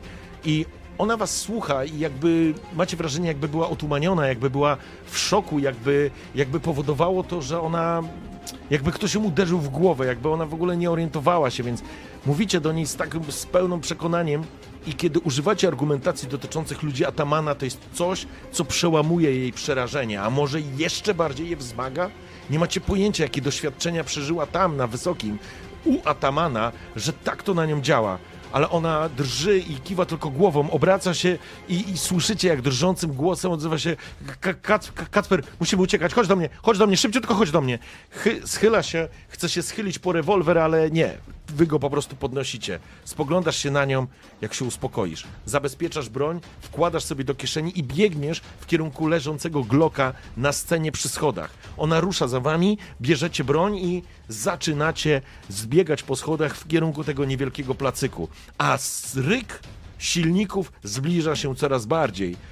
Trudno określić, ile tych samochodów jest, ale kiedy wsiadacie na, na, na potężnego kłada Yamahy, wsiadacie z przodu przy kierownicy, między siebie wkładacie, wsadzacie Kacpra i Iwona, że tak powiem, jest z tyłu na siedzeniu. Odpalasz, odpalasz tego potwora, słyszysz silnik, jak zaczyna pracować, odwijasz manetkę gazu i ruszasz do przodu. Wyrwało was do przodu, kiedy wyjeżdżacie i rozbijacie jakąś tylną bramę, która prowadziłaby e, w kierunku, to znaczy prowadziłaby po prostu na tą salę koncertową, rozbijając ją. W tumanach kurzu wjeżdżacie na rowerową ścieżkę, która nie jest rowerową ścieżką, tylko jest taką wiecie, ubitą drogą z kamyczkami po lewej i po prawej stronie, która gdzieś tam prowadzi i rozwidla się, widząc jak po prostu wspina się takim dookoła tego wzgórza delikatną drogą. Słychać warkot tego waszego silnika, kiedy dodajesz gazu i zaczynasz uciekać na, w kierunku wzgórza Paderewskiego. Po lewej stronie jakieś rozpościerają się e, kiedyś park linowy, jakieś ścianki wspinaczkowe, miejsce atrakcji i zabawy. Może nawet byliście tutaj z Ewą. Na pewno byliście tutaj z Ewą, ale teraz nie ma czasu. Słyszysz tylko, jak w twojej głowie, do twojej głowy uderza, uderza krew do głowy, jak ciśnienie skacze, jak czujesz adrenalinę w sobie i ten warkot tego kłada, który bez problemu pokonuje te te górki, pagórki. Kątem oka próbujesz tylko dostrzec, co się dzieje, ale jakby wielka muszla tego amfiteatru odcina was od tego, co się dzieje z przodu. Myślisz tylko poprzez chwilę, że może, może jest, może jest opcja na to, że chwilę się tam zatrzymają. Ale skoro padły strzały, czy się zatrzymają? To będzie moment, kiedy, kiedy ruszą. I z rykiem silnika, bo niestety kład nie należy do cichych pojazdów, wjeżdżacie, zostawiając za sobą te tumany kurzu, a słońce powoli chyli się ku zachodowi. Szanowni, teraz sobie rzucimy. Teraz sobie rzucimy. Czy macie szczęście, czy nie? I zróbmy sobie działanie pod presją. Działanie pod presją będzie idealnym momentem na to. Poszło. Sukces z komplikacjami, szanowni. Pokażę wam, żeby nie było, że oszukuję. E, to ankieta jest. A to ma. Wszystko widzicie, dobrze. Sukces z komplikacjami. Udaje wam się jednak. Sprawy się gmatwają. Uwielbiam to. MG opisuje nieoczekiwane skutki, wysoką cenę lub trudny wybór. Cudownie. Słyszycie, jak piłuje ten silnik?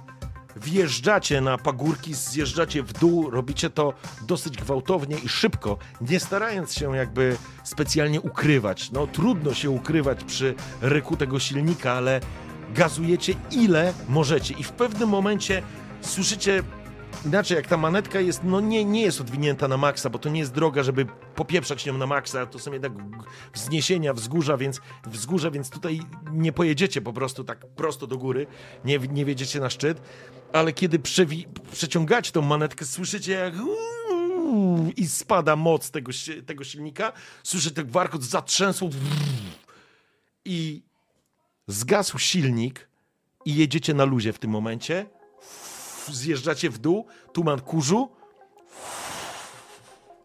zatrzymujecie się gdzieś na wzgórzu, e, po drodze, na jednej z tych, słuchajcie, ścieżek. I spoglądacie, spoglądacie się tylko po sobie właściwie, obracasz się, e, Iwona spogląda się na was absolutnie przerażona tym, co się dzieje, a wy wiecie, coś się spieprzyło motor wysiadł.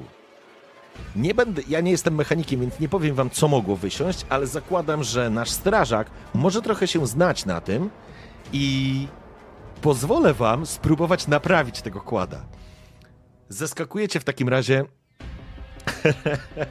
E, ale zanim, zanim oczywiście e, to nastąpi, to wy możecie zdecydować, bo e, to będzie, słuchajcie, ankieta będzie polegać na tym, że tak, naprawa, ucieczka na piechotę albo spróbowanie się tu ukryć gdzieś. Może, może za chwilę byście doszli do tego wielkiego pola paintballowego i tam mogliby próbować, moglibyście próbować się um, ukryć, czyli to byłoby ukrycie się, ale jakie jest, jakie, jakie jest ryzyko?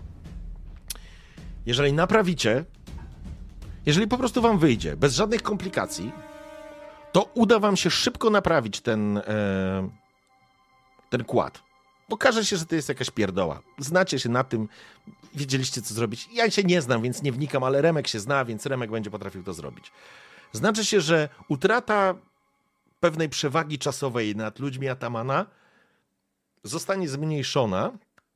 Ta przewaga się zmniejszy, ale bez kryzysu. Natomiast, ale się zmniejszy.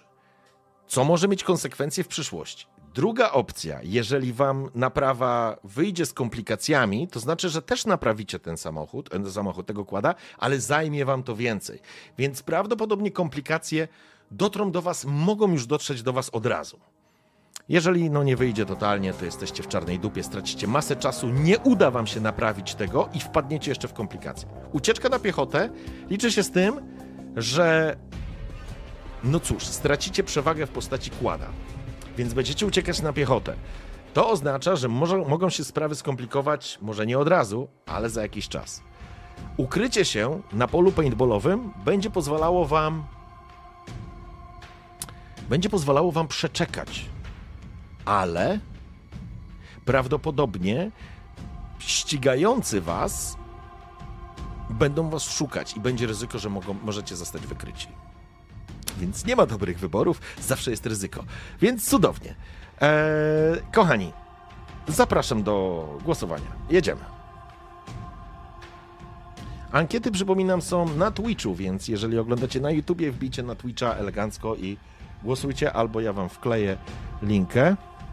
Tak, możecie się z nimi próbować dogadać. To jest świetny pomysł, Skylark.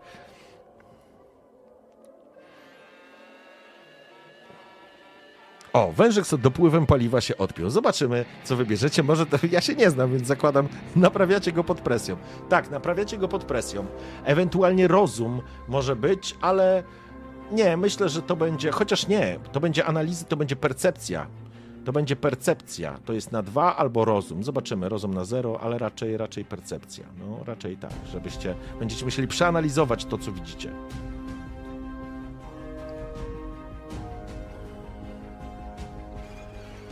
Tak, bo motor zgasł, dokładnie. Ja wiem, wiem, że motocykl. I motor miałem na myśli silnik, a nie pojazd. Naprawa, cudownie, w porządku. Zeskakujecie zatem. Mm, ściągacie tak naprawdę młodego i Iwona zeskakuje również. Podnosicie to siedzenie, pod którym jest schowek. Na szczęście były tam jakieś klucze, więc bierzecie jakiś taki zestaw i zaczynacie przyglądać się temu.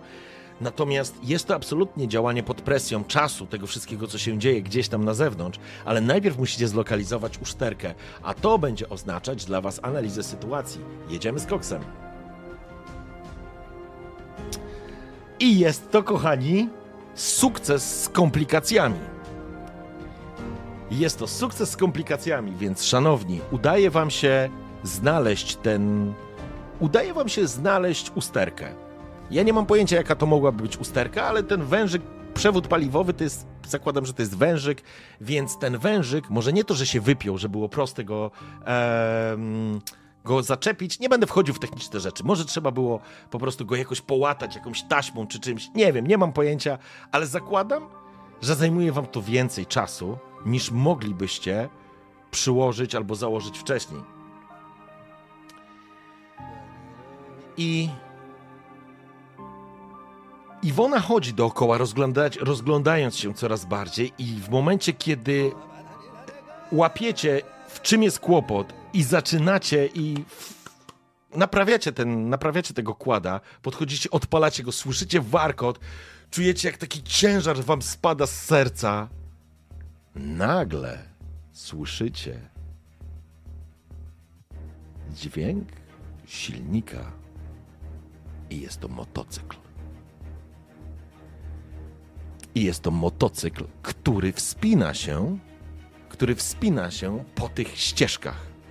I wskakujecie zatem na kłada, siada, si sadzacie Kacpra, pojawia się również e, Iwona, odpalacie go gaz i poszli! Jedziecie, ale macie świadomość, że ktoś, kto jedzie za wami motocyklem, do was w pewnym momencie doskoczy. Pytanie, jaki ma cel, ale wy jedziecie tymi górkami, pagórkami, wspinacie się pod górę, ten kład idzie jak czołg, przejeżdża, ale wy dostrzegacie gdzieś z tyłu jadącego na motocyklu, jadącego na motocyklu gościa, który zbliża się i faktycznie skraca do was dystans, on wyskakuje na jakimś takich niewielkich wzniesieniach, jadąc, zbliżając się do was. I teraz Wy prawie dojeżdżacie do północnej części wzgórza, dostrzegacie przed wami malującą się teraz już właściwie piękną dzielnicę Mlecze, która z tej strony to są te takie pozamykane, e, pozamykane, słuchajcie, chronione kiedyś e, osiedla. Bardziej na wschód są takie zwyczajne bloki, siatka ulic, a dalej gdzieś tam przed wami majaczy cały kompleks uczelniany, kampus i wszystkie uczelniane budynki, a po lewej stronie, daleko na zachód jeszcze jest kawałek takiej zieleni, który, no nie są, to nie, to nie są miejskie błonie, ale to są jeszcze te resztki tego, co kiedyś dało nazwę tej dzielnicy Mlecze, ponieważ tam były łąki zasiane, usiane tymi, tymi kwiatami. I teraz, moi drodzy, macie na, za sobą pościg w postaci tego jednego gościa, który który się do Was zbliża. I ja bym chciał wiedzieć, szanowni, co będziecie chcieli zrobić.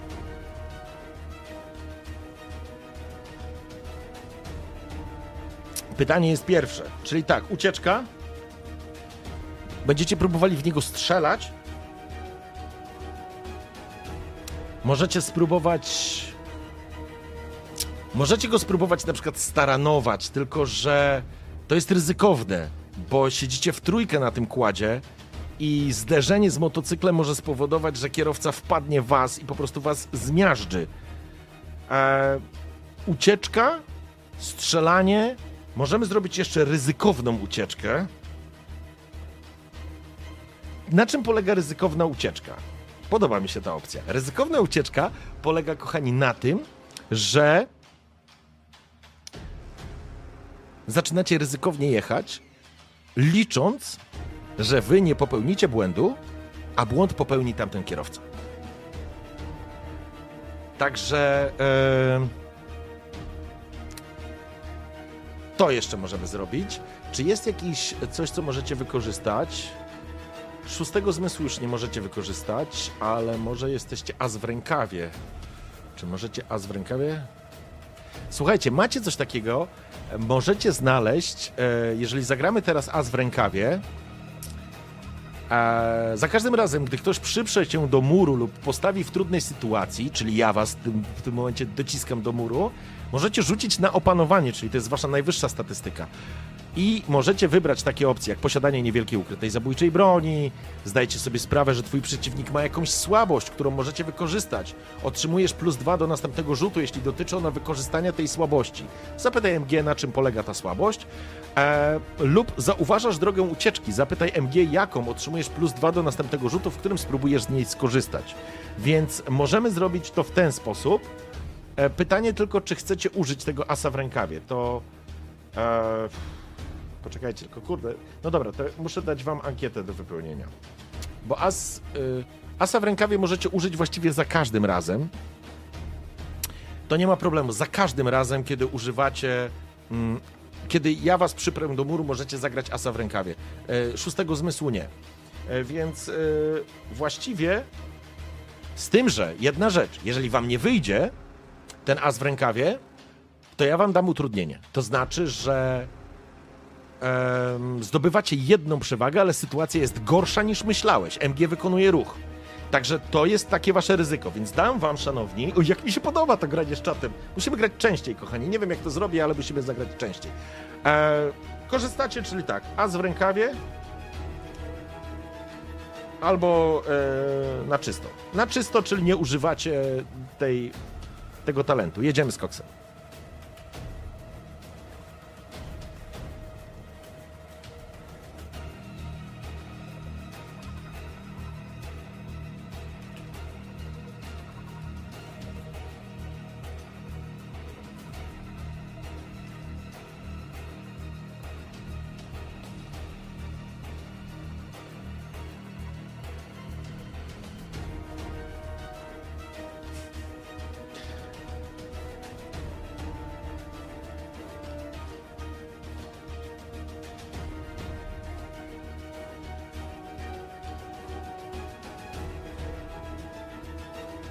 Jakim rowerem? Tam nie ma żadnego roweru. To jest ścieżka rowerowa. As w rękawie, coś czuję, że wchodzi as w rękawie na miękko po prostu. Na miękko wchodzi. Dobrze, będziemy rzucać w takim razie. Ale as w rękawie jest na opanowaniu, więc macie dużą szansę na sukces. Dobrze, lecimy, rzucamy przewagę. Poszło. I As w rękawie, sukces z komplikacjami. A dlaczego tutaj się. A, bo chyba się zawiesił roll. No pewnie, że się zawiesił roll. O, już jest ok. Dobra, czyli mamy, kochani, 12. Zdobywamy jedną przewagę. Możemy wydać ją w dowolnym momencie sceny. I teraz tak. Broń raczej wypada, więc albo znajdujecie słabość tego przeciwnika, albo zauważacie drogę ucieczki, tak, żeby żeby uniknąć. Ja myślę, że to po prostu połączę, bo ja myślę, że to będzie sytuacja, w której obracacie się i widzicie, jak mm, wjechaliście w taki mocno pofałdowany teren. Ta droga jest niezwykle, słuchajcie, niezwykle pofałdowana, co powoduje, że lekki motocykl jest wyrzucany w górę. I dostrzegacie, jak ten kierowca zaczyna mieć pewne problemy, z opanowaniem swojego motocykla. Zatem możecie spowodować, to znaczy jego słabością jest to, że on musi tu zwolnić. Musi tu zwolnić, ale wy możecie wykorzystać tę sytuację, żeby dodać gazu, żeby zmusić go do tego, aby on zaczął jechać ryzykownie. A to oznacza, że może się wywrócić. Eee, dobrze. Słuchajcie, to co teraz robimy? Działaj pod presją robimy. W tym jesteście mocni, więc musi być dobrze. Musi być dobrze i macie plus dwa ze względu na to, że zagraliście asa w rękawie. I to jest jak się kombi, elegancko. Trzymam za was kciuki, kochani, bo będzie się działo. I mamy dwa. Sukces z komplikacjami.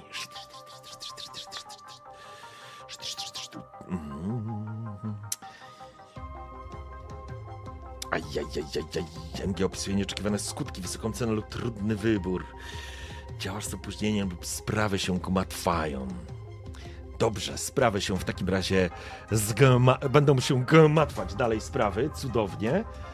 E, zatem odwijacie znowu manetkę, gaz i przyciskacie. Czujecie, jak po prostu młody wpija się w was, obejmuje go jeszcze również e, Iwona, trzymając się jedną ręką, tak naprawdę jego asykurując drugą się uchwytu z tyłu.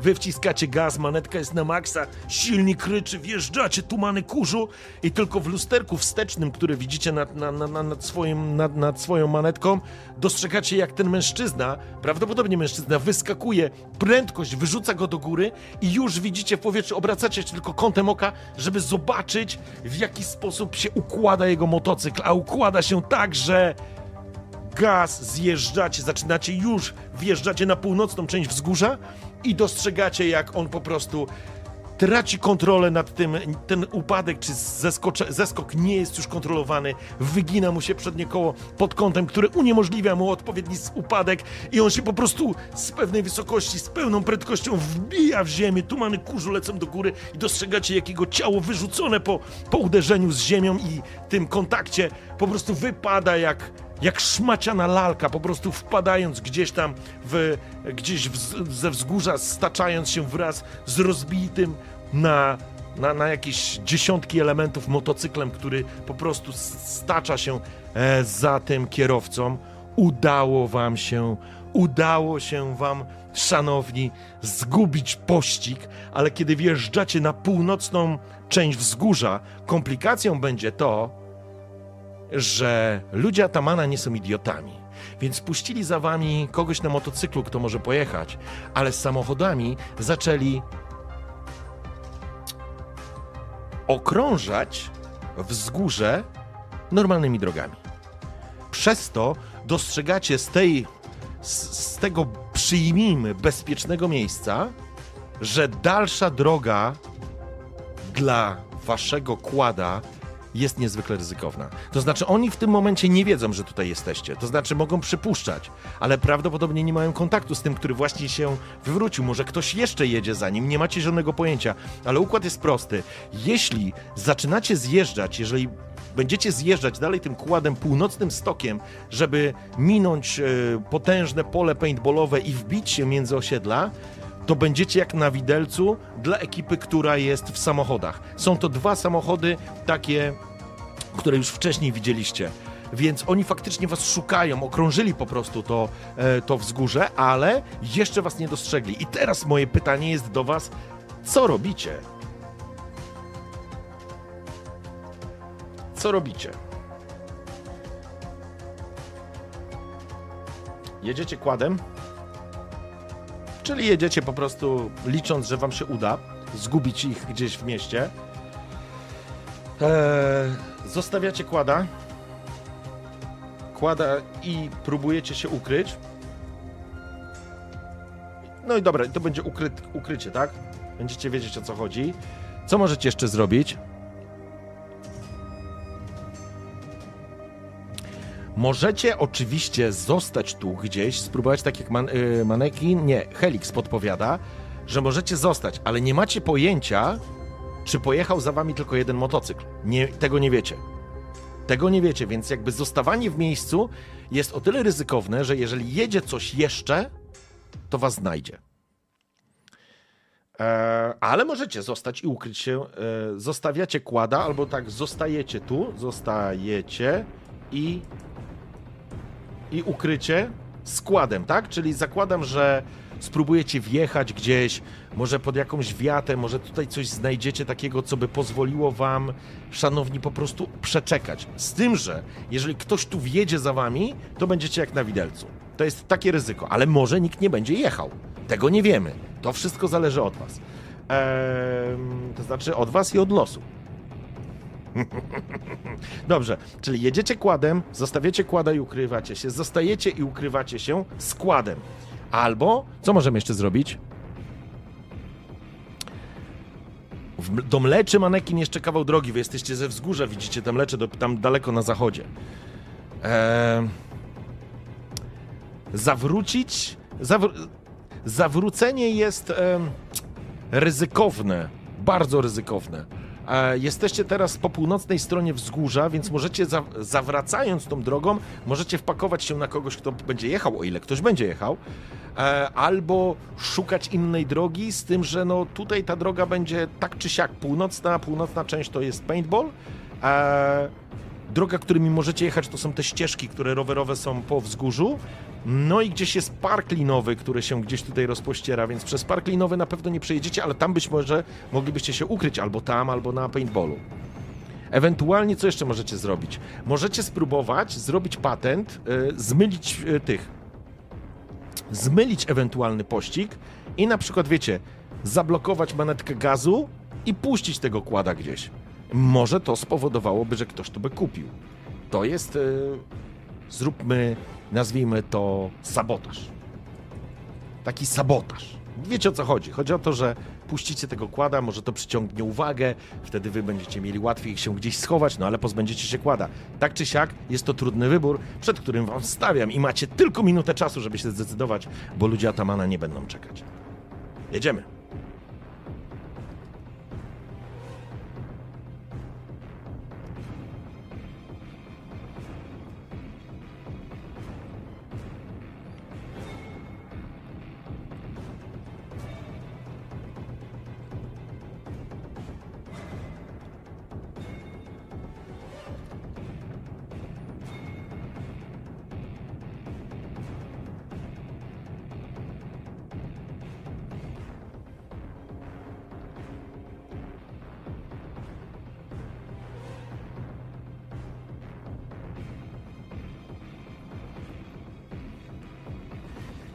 Jak wy się żeście przywiązali do tego kłada. Jaki ten kład jest dla was ważny.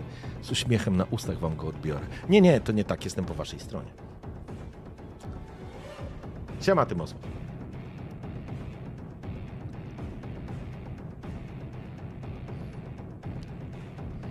Zostajecie jednak i będziecie próbowali się ukryć. Cudownie. Bardzo się cieszę. E, Już, już, już, już, już, już. E, To miałem sobie znaleźć.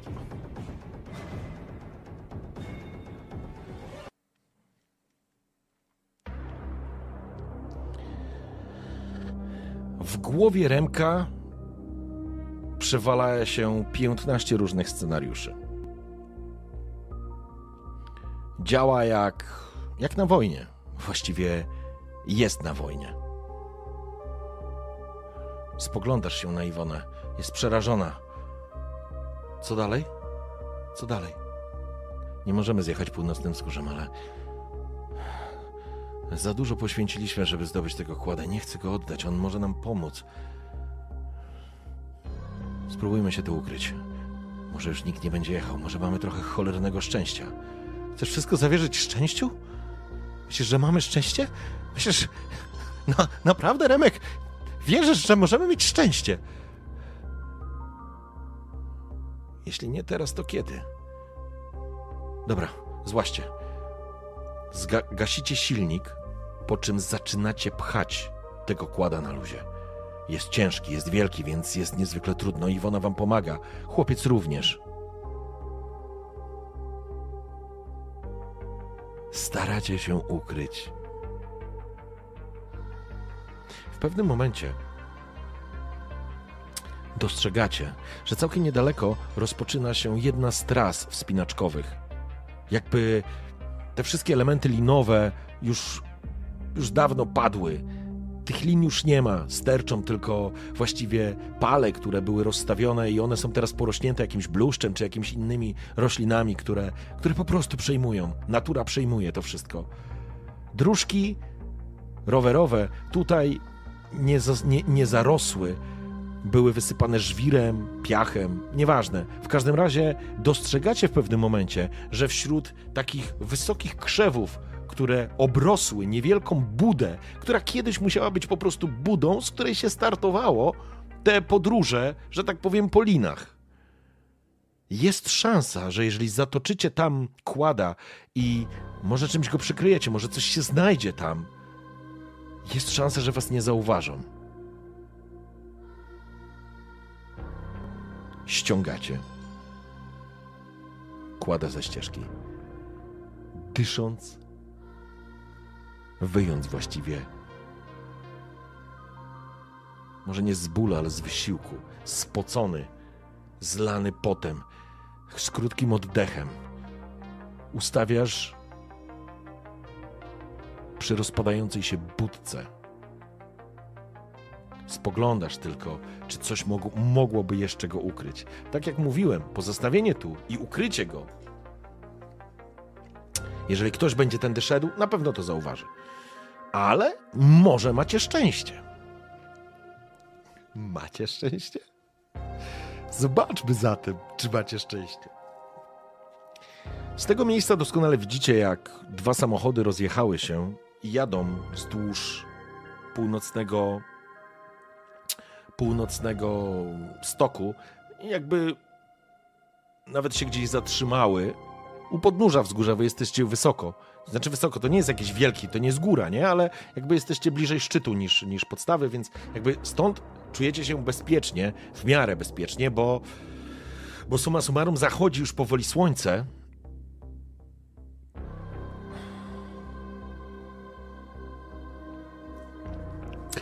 Cudownie a wy dostrzegacie, jak lampy tych, tych samochodów gdzieś się tam rozpaliły i jeden z nich się zatrzymał i parę osób z tego samochodu wysiadło. Z trzy? Nieważne. W każdym razie zaczynają się rozglądać po tym, co się dzieje. A wy zatrzymaliście się w tej budce. Iwona e, przy tej budce Iwona wraz z Kacprem przytuleni do siebie siedzą przy tym kładzie skuleni. Wy również kucnęliście przy kładzie, przygotowawszy sobie broń ewentualnie na wszelki wypadek, gdyby coś. I szanowni, w takim razie rzucajmy. Działacie pod presją. Trzymam za was kciuki.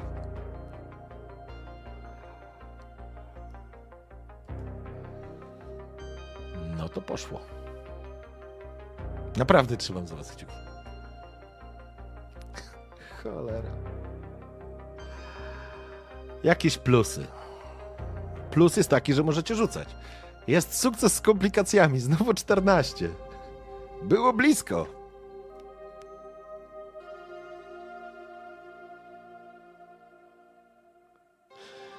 Uwielbiam ten rzut działanie pod presją.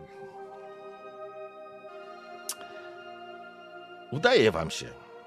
Jednak sprawy się gmatwają. Cudownie.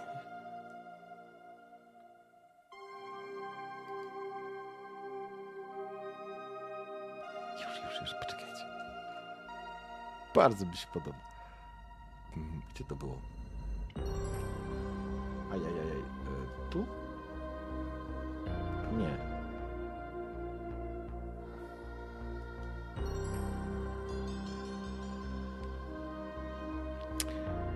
Siedzicie jak myszy pod miotłą. Licząc, że w tej grupie ludzi Atamana faktycznie były dwa samochody i jeden motocykl. Może trzy, ale żeby był tylko jeden motocykl. Żeby był tylko jeden motocykl. Właściwie dostrzegacie, jak Iwona właściwie wypowiada te słowa. Mieli tylko jeden motor, żeby był jeden motor, żeby jeden motor. Słońce zaczyna powoli zachodzić, a ta wielka, czerwona, pomarańczowa kula chyli się nad horyzontem, zalewając niebo przepięknym czerwonym blaskiem, jakby je podpalając.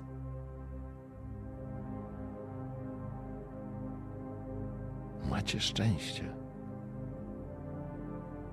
Ludzie Atamana chyba mieli faktycznie jeden motocykl. Ale sprawy się komplikują.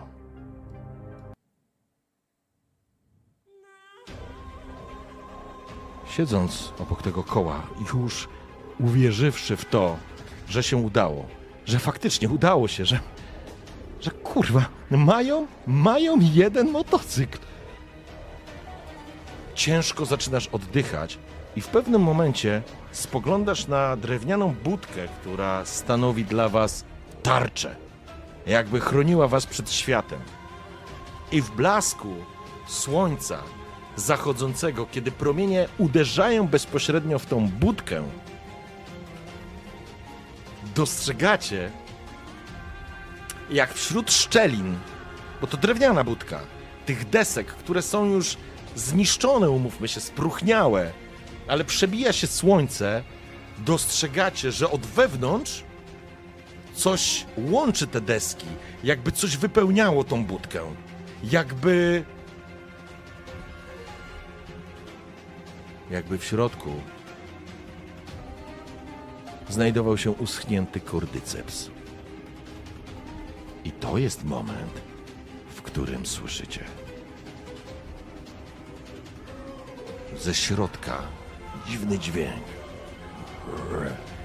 Słyszycie zaczynającego jakby przebudził się człowieka, który z pewnością nie jest człowiekiem. Nie jest. Na pewno nie jest. I on zaczyna, ta budka zaczyna właściwie się delikatnie trząść. To znaczy, ktoś wstał w środku i zaczyna się obijać jak szaleniec o te, o, tą, o, o te ściany. I ty słyszycie, jak te ściany zaczynają trzeszczeć. Iwona spogląda się na was przerażona. Kacper próbował pisnąć, ale ona zasłoniła mu usta. Co robicie?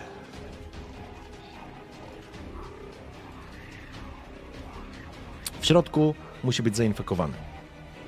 Może jeden, może więcej. Słyszycie? Słyszeliście chyba jedną osobę. To jest. To jest, słuchajcie.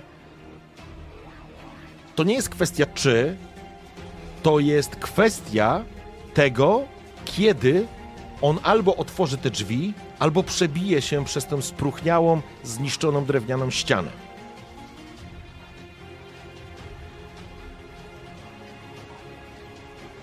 Co robicie? Możecie zacząć uciekać.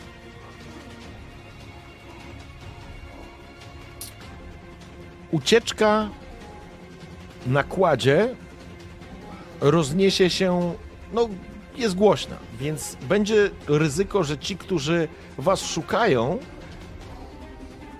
będą słyszeć ryk silnika. Uciekać składem.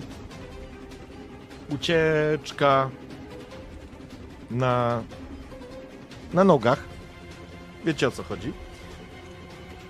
Co możecie zrobić jeszcze? Możecie spróbować wykończyć zainfekowanego. To jest atak. Ja uznaję to jako atak po prostu, nie? Przyjmujemy, że będziecie próbowali go wykończyć, rzecz jasna po cichu. Nie będziecie go chcieli, e, to znaczy możecie w niego strzelać i to jest tak, to będzie atak po cichu albo atak, strzał. Tak, co możemy jeszcze zrobić? E, co możemy jeszcze zrobić? Um, Możecie spróbować zabarykadować te drzwi, ok, ale jedyna rzecz, która może wam zabarykadować te drzwi, to kład. Możecie przestawić kłada tak, żeby zablokować drzwi. To oznacza, że głupia istota uwięziona w środku będzie się od nich odbijać i uzyskacie przewagę do ucieczki. Barykada i to jest kładem, żebyście wiedzieli. To kosztuje zostawienie kłada. z w rękawie jesteście cały czas kochani w tej samej scenie. A więc tutaj. Ale mieć macie dwa. Możecie dać sobie jeszcze jedną rzecz. Posiadasz niewielką ukrytą zabójczą broń, możesz to mieć. Możesz mieć jakiś długi gwóźdź, nóż proszę bardzo, macie jeden as w rękawie, bo możecie zdać sobie sprawę, jaką ma słabość, trudno określić, jaką ma słabość w tym momencie.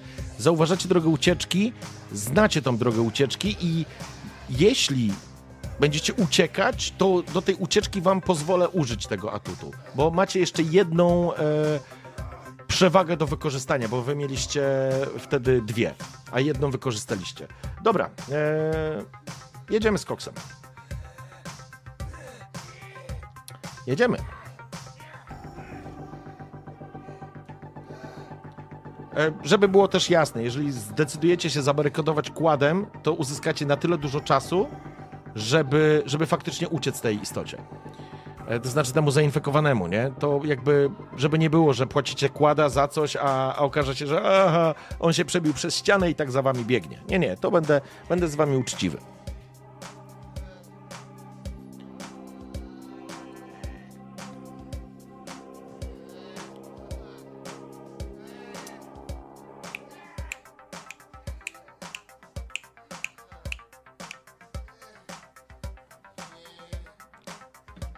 Słyszycie jego jęki w środku, jak on próbuje się.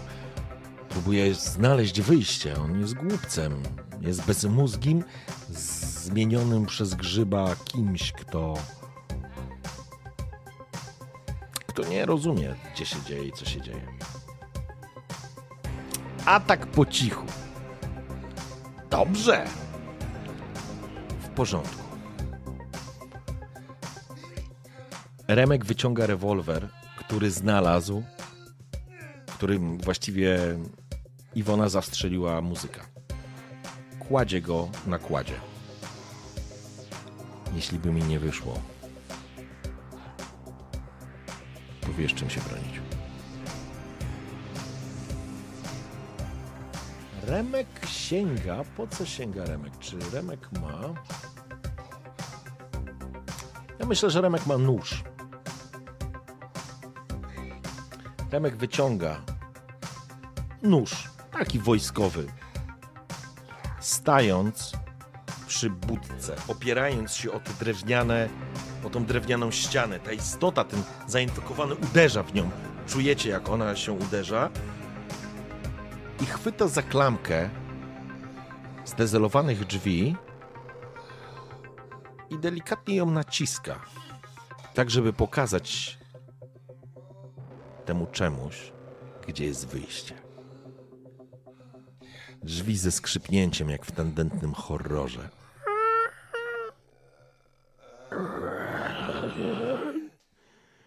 Istota natychmiast rzuca się w kierunku pomarańczowego blasku światła. Wskakuje, że tak powiem, natychmiast do drzwi, uderza te drzwi, te drzwi uderzają w bok, natychmiast wyłamują się z, ze zniszczonego tak naprawdę zawiasu, ale istota was nie dostrzega.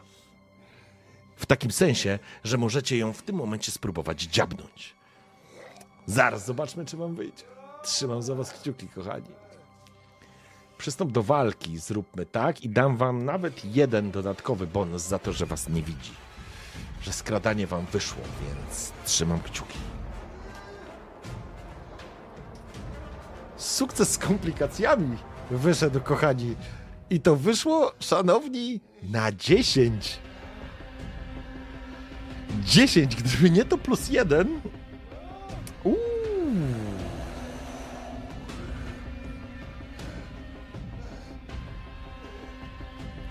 Cudownie! Cudownie! E, Remek ma minus jeden do walki, do przemocy. On, on, on, on, nie walczy. On nie jest najlepszy do walki, ale zamachujesz się, wbijasz, próbujesz mu wbić ten nóż prosto w głowę. Widzisz na jego głowie już część grzyba, który się pojawia. On nie jest jeszcze całkowicie zmieniony. Nie jest klikaczem absolutnie. Jest jeszcze biegaczem, ale był na tyle szybki, że kiedy próbowałeś dźgnąć go, wbić mu po prostu w czaszkę ten nóż, on się obrócił, uchylił, cokolwiek, zmienił jakoś nienaturalnie ten swój układ ciała, tak że ten nóż nie trafia w głowę, tylko trafia w szyję. Wbija mu się w szyję i on się obraca w waszą stronę i łapie was paluchami. Po prostu chwyta was i to jest sytuacja, w której wy stoicie w klinczu widzicie istotę, która po prostu próbuje się do was dopaść, opieracie się, opieracie się o tą ścianę drewnianą, kątem oka dostrzegacie jak Iwona chwyta tą broń, e, krzyknął Kacper, e, a ten człowiek, który, jego twarz jest zmieniona, widać, że e, kordyceps już go całkowicie zżera i niedługo, niedługo jego czaszka by się zmieniła całkowicie i i straciłby wzrok, ale to jeszcze nie jest ten moment. On próbuje was użreć. Szanowni, zapraszam do jeszcze jednego w takim razie rzutu. I w tym momencie będziemy sobie. Mm, co możecie zrobić? Możecie zrobić tak. E, co możecie zrobić? Macie jeszcze w tej mechanice, jeżeli wam by nie wyszło i ta istota by was spróbowała ugryźć, będziecie mogli próbować uniknąć obrażeń. Jest taka sytuacja. E, właściwie teraz, co możecie zrobić? E, możecie, cóż, możecie zrobić tak. Walczyć, to znaczy spróbujecie go po prostu dokończyć i przy okazji nie zginąć. Czyli tak, to jest walka. Możecie poprosić o pomoc. Mówimy o pomocy Iwony, bo tylko ona może wam pomóc. Macie jeszcze jakiś pomysł?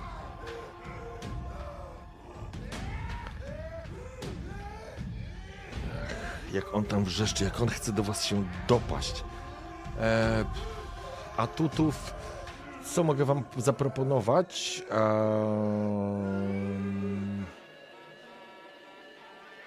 Tu się wam nie uda, ale... No szósty zmysł nie może pójść, teraz as w rękawie już poszedł. Więc kochani, jedziemy na czysto. I... rozpoczynamy. No bo się nie poddacie przecież.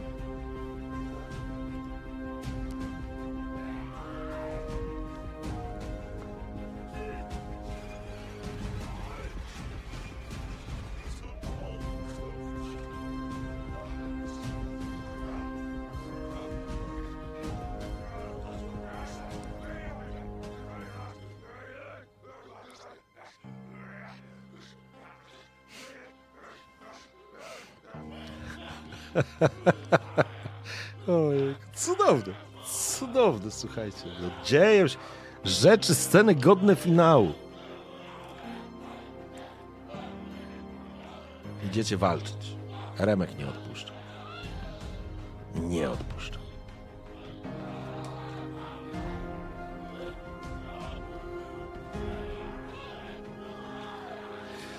Dobrze zatem.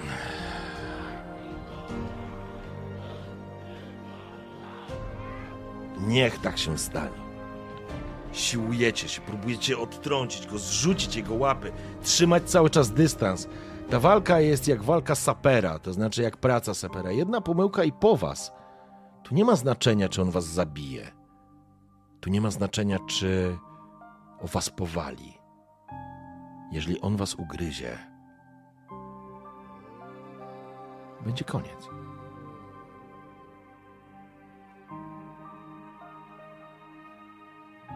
Próbujecie znaleźć miejsce, próbujecie zbić jego łapska, sięgnąć po nóż, wyciągnąć go i wbić mu prosto w czoło. Czy tak się wyda? Trzymam za was kciuki.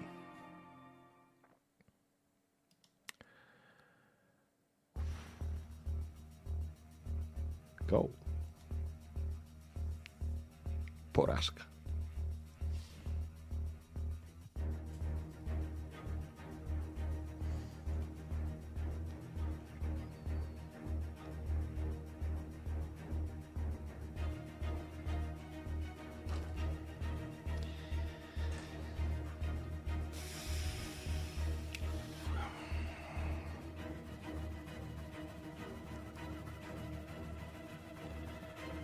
Odbijasz jego rękę. Ona odchodzi. Sięgasz natychmiast po nóż, który jest wbity w jego gardle, tak naprawdę szyi. Wyciągasz, zamachujesz się do przodu, to znaczy zamachujesz się, żeby dźgnąć go, a w tym samym momencie ta istota, ten człowiek, były człowiek, który wygląda jak jakiś rowerzysta, rzuca się na ciebie całym ciałem, uderzając, wpadając w ciebie. Słyszysz trzask łamanych desek. Kiedy wpadacie obydwaj do środka tej budki. I to jest moment, w którym po prostu wpadasz, wpadasz, e, wpadasz na ziemię, on leży na tobie, twoja ręka uderzyła, wpadłeś do środka, trudno określić w jaki sposób, po prostu w tak, to znaczy inaczej. Karą za to jest absolutnie to, że wpadasz, on jest na tobie, szykuje się do ataku, tobie wypada sztylet, sztylet, przepraszam, nóż wypada ci z ręki, jest poza twoim zasięgiem i to jest moment, w którym rowerzysta próbuje się wgryźć w twoją szyję. I teraz, kochani, rzucamy na uniknij obrażeń. Jeśli wam nie wyjdzie uniknij obrażeń, to on was dopadnie.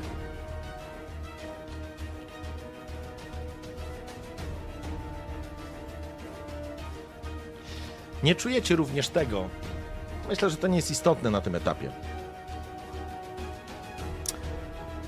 Przy tym poziomie adrenaliny i walki o życie nie czujecie nawet tego, że kawałek dechy wbił wam się w plecy, ale to jest jakby najmniej istotne. Uniknij obrażeń. Macie dwa refleksu, jest duża szansa. Trzymam za was kciuki, kochani. Zróbmy to.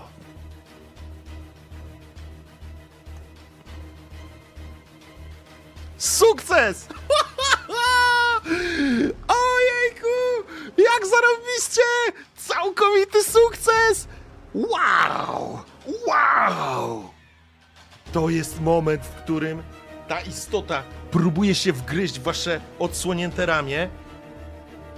Ja myślę, że to jest sytuacja, w której obracasz się, to znaczy to jest jakiś taki odruch, ty po prostu skręcasz ciało w ten sposób, że on uderza szczęką, od, ześlizgując się właściwie tą szczęką po twoim barku, po twojej jakiejś skórzanej kurtce, którą masz na sobie, czy po kurtce po prostu, nie wbijając, nie wbijając was swoich zębisk. I to jest sytuacja, w której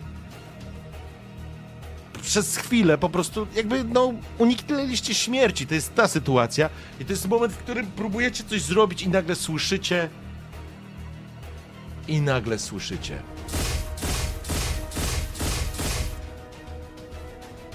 I pociski i nagle po prostu rozrywane, rozrywana głowa, wstrząs tego ciała, jeden, drugi, trzeci.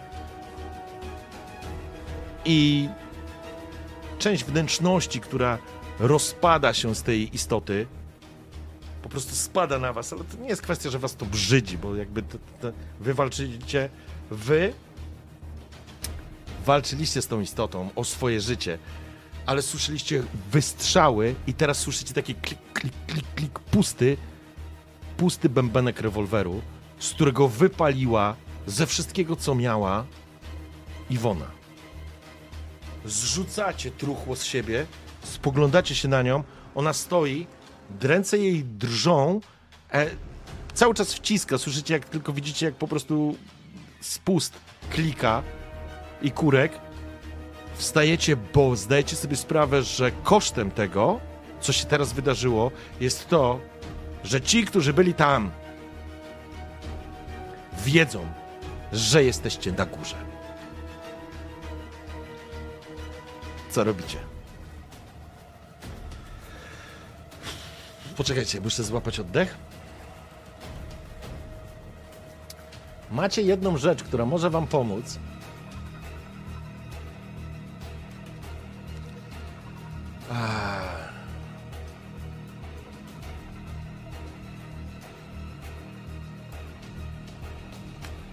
Macie atut, który się nazywa cichociemny.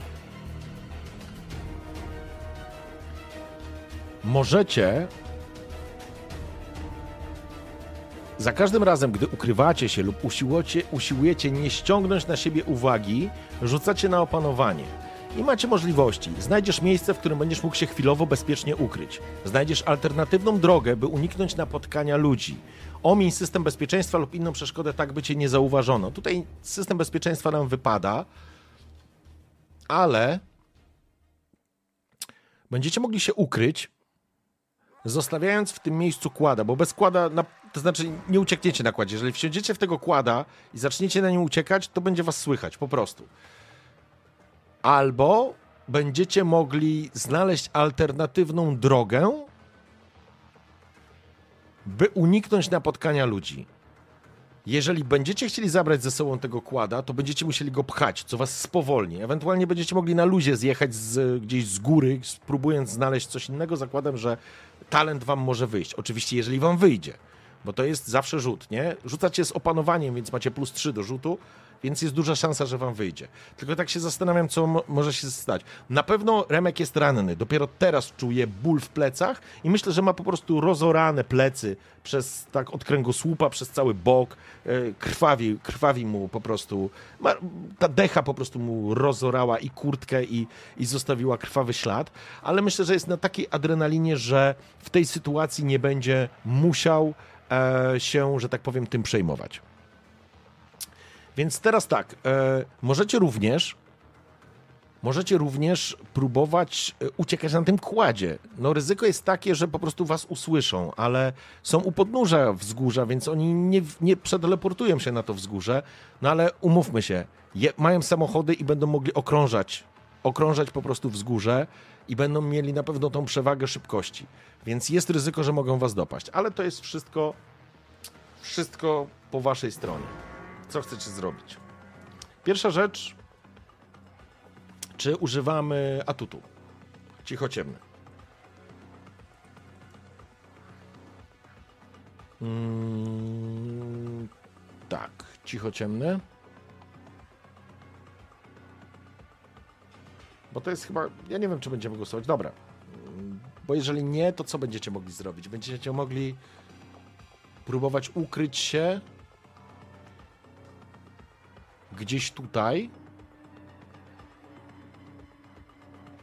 Zakładam, że bez kłada, to wtedy jest szansa, że się po prostu jesteście w stanie ukryć. Ale na pewno ściągnie to ludzi, którzy pójdą tu. Jeżeli użyjecie atutu, macie na pewno, macie tą pewność, że, że się ukryjecie. Albo znajdziecie w ogóle alternatywną drogę, bo tak jest. Macie alternatywną drogę, by uniknąć napotkania ludzi, więc w ogóle możecie ich wyminąć. Kosztem tego, że będziecie bez kłada, bo nie pozwolę wam tego kłada targać. To jest potężne kładzisko, ciężko się to. Z górki to jeszcze jak cię mogę, ale jeżeli pojawi się gdzieś pod górkę, to was to spowolni na maksa. Odpalenie silnika spowoduje, że, że po prostu was usłyszą. Eee... No dobra, czyli co? Czy cichociemny, czy na czysto? Chociaż nie, to jest idealne miejsce na to, żeby skorzystać z tego cichociemnego. Tak mi się wydaje. I to jest na scenę, więc jak opuścicie to cholerne wzgórze, to będziecie mogli znowu użyć cichociemnego i znowu będziecie mogli użyć um, asa w rękawie. Jak w końcu zejdziecie z tego cholernego wzgórza. Dobra, wiecie co? To ja nie będę tutaj tego decydował o tym. I rzućmy po prostu za cichociemnego. E, rzuć na przewagę. Dobra. Sukces! 20! Zobaczcie! Kurde. W dowolnym momencie sceny możecie wykorzystać, e, nie ściągać za każdym możliwości.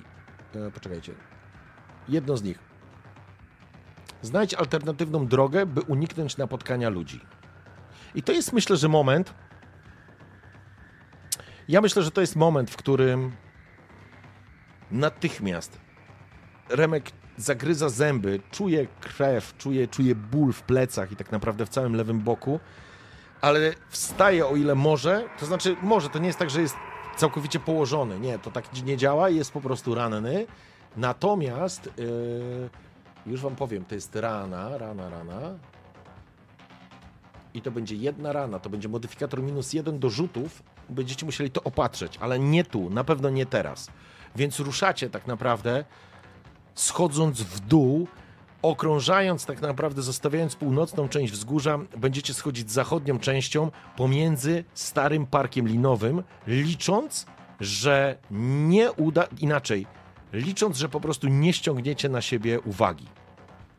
Korzystając z atutu cichociemnego, Remek zakrada się i wyprowadza zarówno Iwonę, jak i Kacpra z tego wzgórza schodzicie z niego, zostawiając ich za. Zostawiając je za sobą, krótko mówiąc. Dostrzegacie tylko, jak kiedy jesteście na dole i gdzieś tam z północnej części wzgórza dostrzegacie jeszcze lampy samochodów. Dostrzegacie, jak na wzgórzu pojawiają się latarki. Jak grupa osób wchodzi w to miejsce, szukając was. Ale jesteście już wystarczająco daleko, że możecie czuć się bezpiecznie. Czujecie ból, zmęczenie. Właściwie najchętniej padlibyście tu, w tym miejscu i, i zasnęli. Ciągniecie właściwie końcem sił na oparach, byle dalej, zostawiając wzgórze Paderewskiego i później tymi łąkami, pięknymi łąkami, które, które już w maju, w czerwcu będą pięknie wyglądać, kiedy mlecze zakwitną. A teraz, a teraz idziecie, bo udało wam się zostawić ludzi Atamana za sobą. Musicie znaleźć miejsce, w którym możecie odpocząć. Pozwolę sobie już bez żadnego testowania wykorzystać atut Remka sztuka przetrwania. Jest oparte o percepcji, ale. Halo, halo? Wróciliśmy? Kurczę. Ostatnio też Powinniśmy już być. Okej. Okay. Kurczę, wiecie co? Bardzo dawno nie miałem żadnych problemów, a teraz znowu się pojawił ten kłopot i. Eee...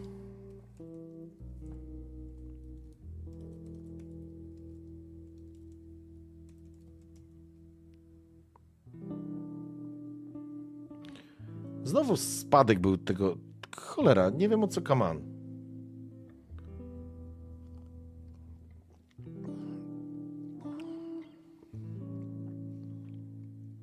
Nie, nie mam właśnie burzy. Ale ostatnio na streamie też padł. I nie, i na, nie wiem dlaczego. Czy znowu restream? No bo kurczę. No ale dobra, słyszymy się jak widzę. Widzę się, widzę, że się słyszymy. Tak? Już jest ok? Eee, dobra. Nie, nie, to jest po mojej stronie. Widziałem, że coś było, jak, jak, jakieś zerwanie. Dobra, słuchajcie, rzucamy na sztukę przetrwania i chcemy mieć szczęście, więc go. Sukces! Zobaczcie, 15, sukces! Kochani, możemy wybrać do trzech możliwości Czyli możemy znaleźć wodę i jedzenie, pokonać naturalną przeszkodę, znaleźć bezpieczne miejsce na kryjówkę i odpoczynek. Więc możemy wszystko wykorzystać w tej scenie. I ja myślę, że pod osłoną nocy kulejący remek dociera wraz z Iwoną i Kacprem do jednego z osiedli chronionych.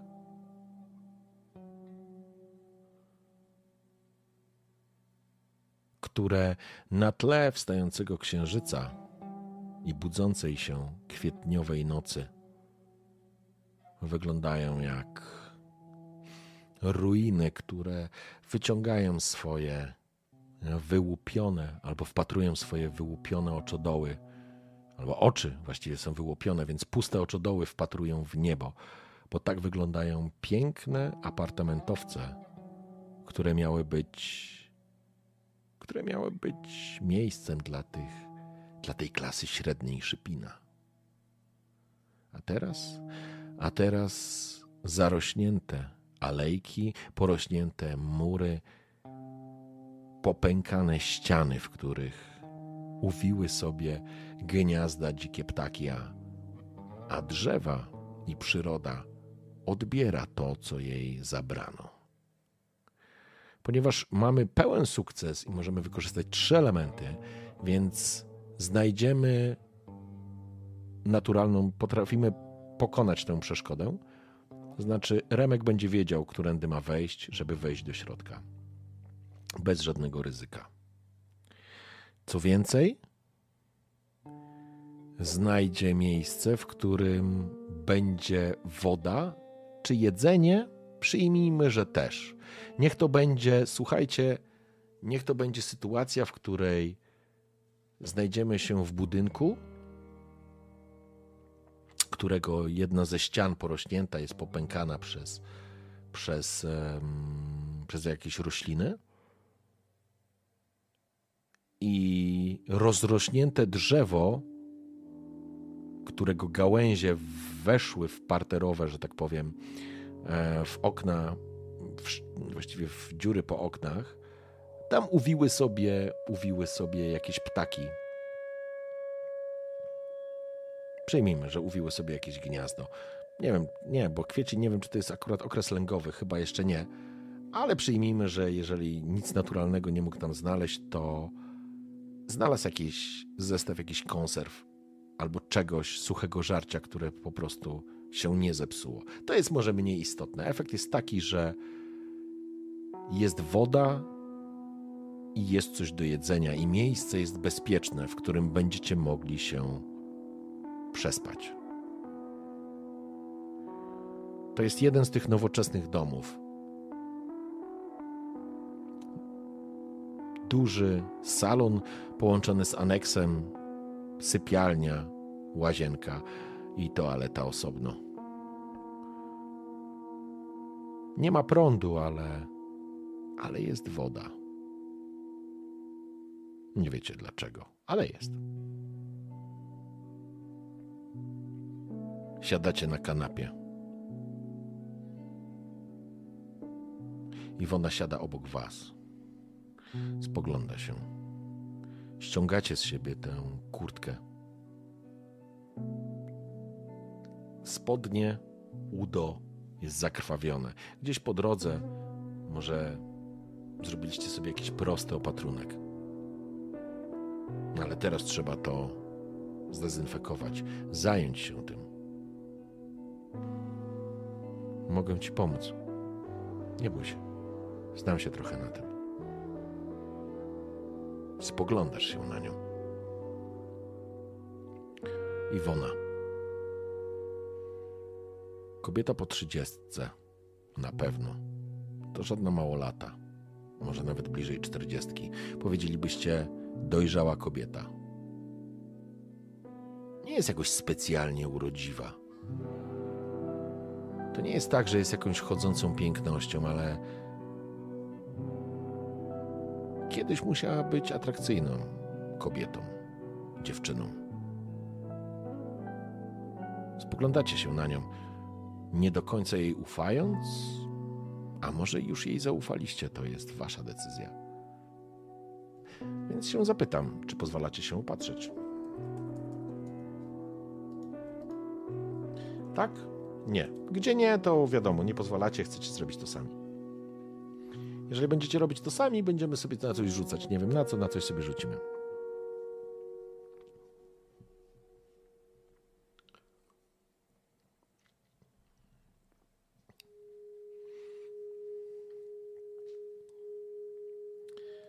Przy okazji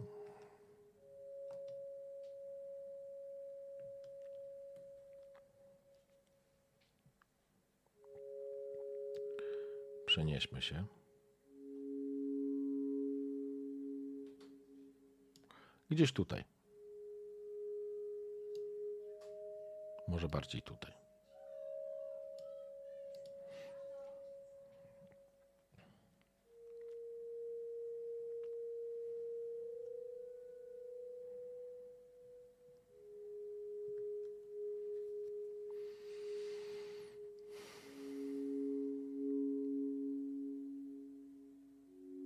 Okej. Kiwasz głową, zaciskając zęby. W plecaku mam trochę medykamentów.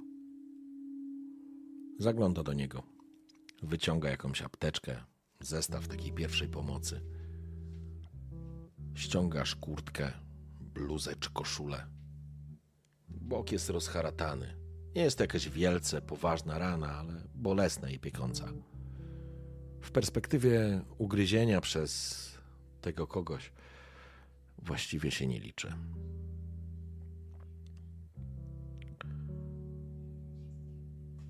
Czujesz piekącą, piekący ból, kiedy Iwona dezynfekuje tę ranę.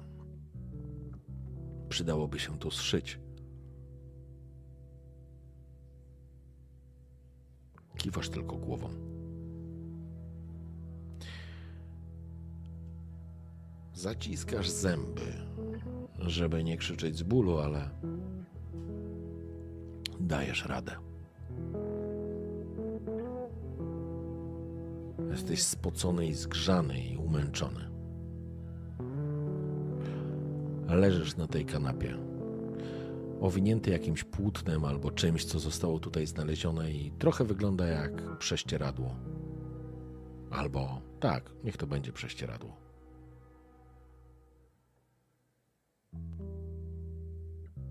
Muszę położyć Kacpra.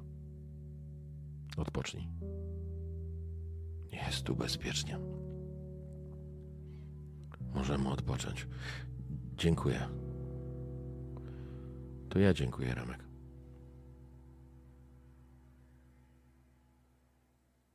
Wychodzi, kierując się do sypialni razem z Kacprem, któremu dała coś zjeść z jakichś żelaznych zapasów, które mieliście przy sobie, które mieliście jeszcze od czasów Machera.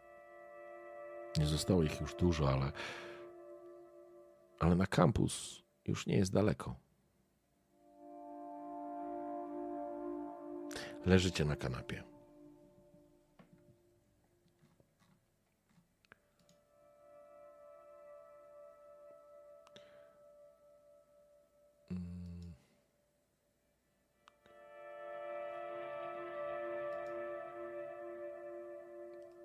Okej. Ranę traktujemy już jako opatrzoną. Spoglądacie się na ścianę, na niej dwójka jakichś młodych ludzi, którzy fotograf mają wspólną fotografię na tle szybińskiego zoo. Nie ma śladu po nich. Dom wygląda jakby był opuszczony po prostu. Może nigdy nie zdążyli wrócić. Może byli jednymi z pierwszych.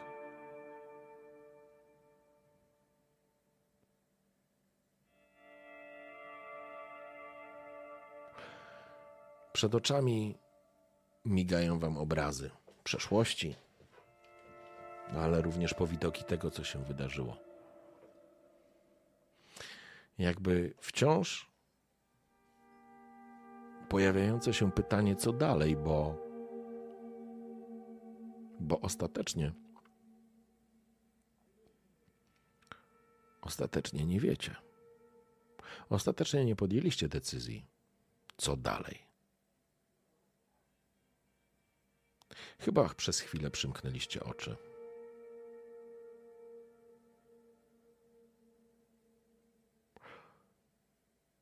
Obudziła was Iwona. Przysiadła obok. Zobaczyła na, na opatrzoną ranę.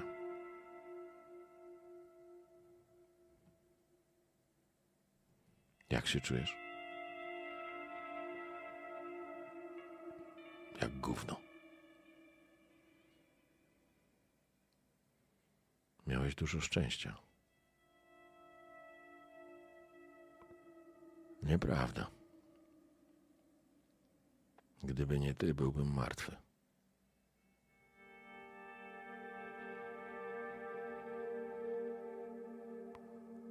To śmieszne, że jesteśmy skazani na siebie. Hm. Może i śmieszne. Co planujesz dalej? I to jest pytanie do Was.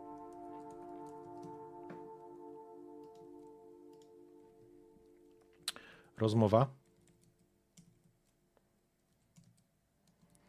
z, z, z, z Iwoną. W sensie, że będziecie po prostu z nią dalej rozmawiać, licząc, że czegoś się możecie dowiedzieć. Lub e, kierunek um, uczelnia, tak? Uniwerek. Albo macie jakiś lepszy pomysł? Macie jakiś pomysł? Co chcielibyście zrobić?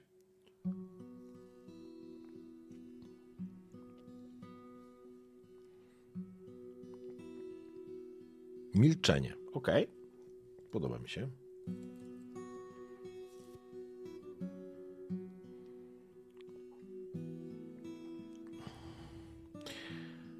Nie, na romanse to nie jest na pewno moment. Dobra, lecimy.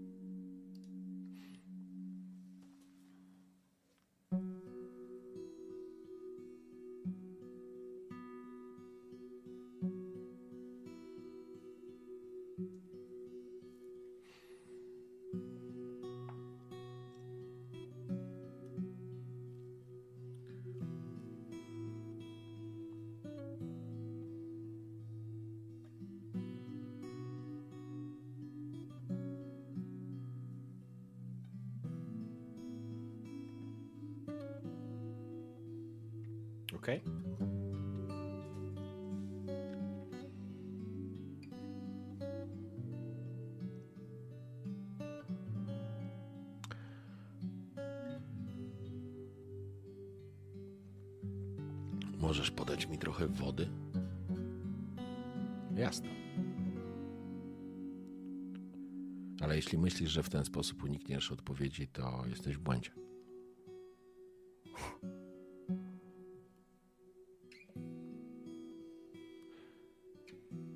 Powiedz mi, dlaczego w ogóle? Dlaczego uciekłaś? Dlaczego zdecydowałaś się uciec z Macherem i, i z tymi dziećmi, i z tym księdzem? O co tu chodzi w ogóle? Iwana podaje wam plastikową butelkę napełnioną wodą. Pomaga się napić, żebyście nie musieli wstawać.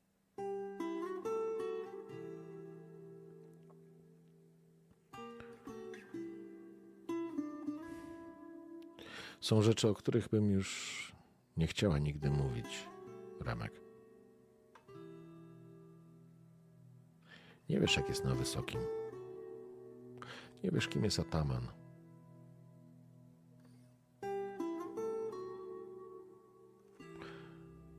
On jest królem, cesarzem, imperatorem. Jak chcesz to nazwać, tak właśnie tam jest. On może wszystko. A jego poddani, bo to chyba najlepsze określenie, są jego własnością. Możesz być żołnierzem i wtedy będziesz nieco wyżej w hierarchii. Będziesz miał całkiem sporo przywilejów.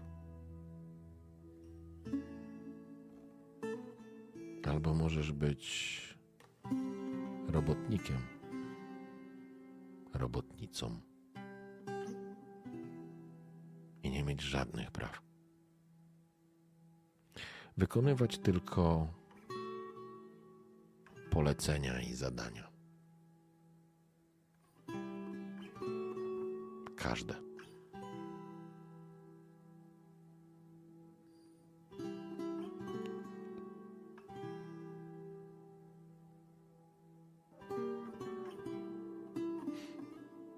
Zamyśliła się, zostawiając długą przerwę, którą Remek może sam wypełnić domysłami tego, co mogło się tam dziać.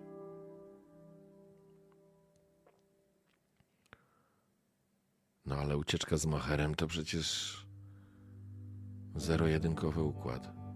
Albo wyjdzie, albo nie, a, a on nie był specjalny. To prawda. Ale w niektórych momentach i sytuacjach wielkość szans nie ma znaczenia, Remek. Liczy się, że masz szansę. Nawet jeśli to szansa jedna na milion, rozumiesz? Reszta nie ma znaczenia.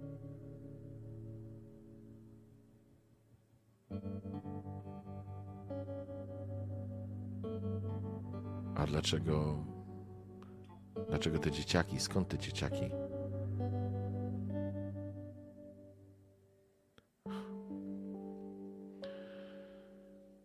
To byli przyjaciele. Kacpra. A ja byłam jego opiekunką. Widzisz, ja znałam matkę Kacpra.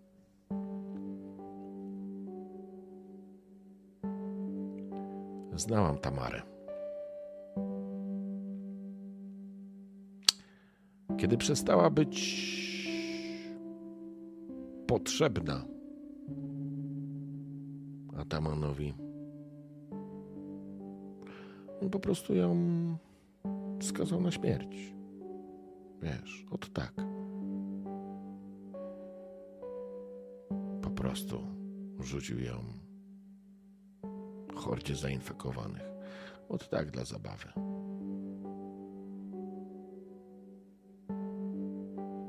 Nie mogła tego przeżyć. Ale Kacper był dla niego istotny. Więc uznaliśmy z Macherem, że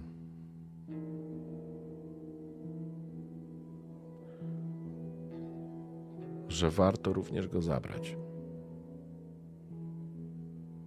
Ale to nie jest tak, że z czysto pragmatycznych powodów to zrobiłem, żebyś, żebyś zrozumiał.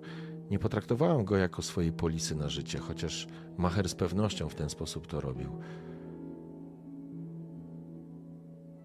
Ale ja naprawdę chciałem go stamtąd zabrać.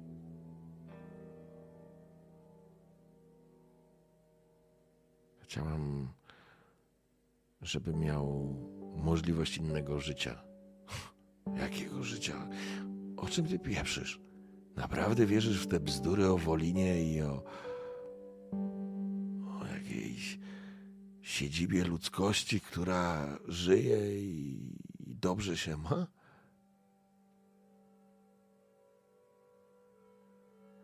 Ja wiem, że to brzmi jak bzdura, Remek, ale trzeba w coś wierzyć. Jeżeli w nic nie wierzysz, to po co żyjesz? W świecie, który nie ma nadziei. Nie ma. Jeżeli nie stworzysz sobie czegoś, w co chcesz wierzyć i do czego dążysz, to, to po co żyć?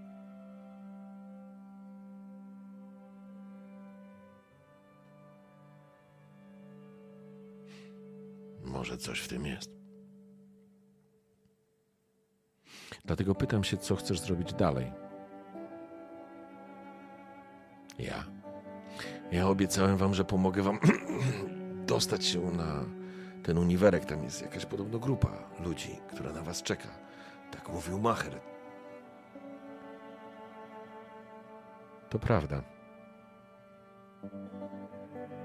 Ale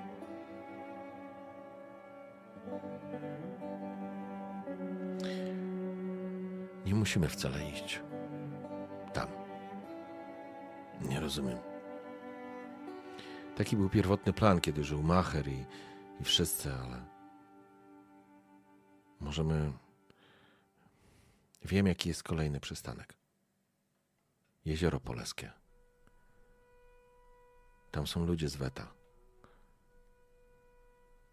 Tam Poleśką można się dostać do Warty i spłynąć dalej na zachód. Do Kętrzyna i później Odrą do góry na, na Szczecin, na Zalew i Wolin. Proszę cię, Remek, odpuśćmy ten uniwersytet. Nie jest nam do niczego potrzebny. Możemy.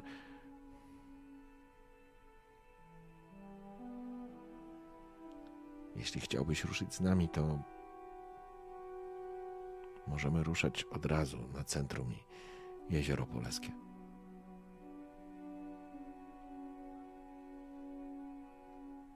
Możesz popłynąć z nami, przecież. Czy coś cię tu trzyma?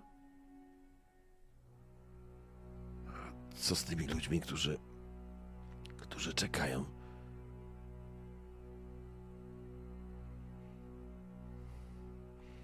Nie wiem, nie wiem, czy jeszcze żyją.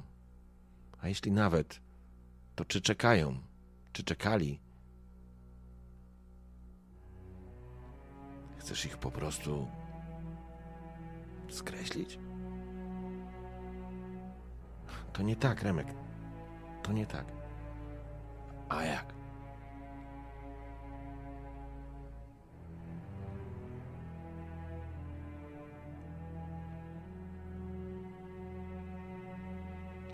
Opuszcza głowę, jakby nie miała argumentów. A przed wami zaczynają rysować się następujące możliwości.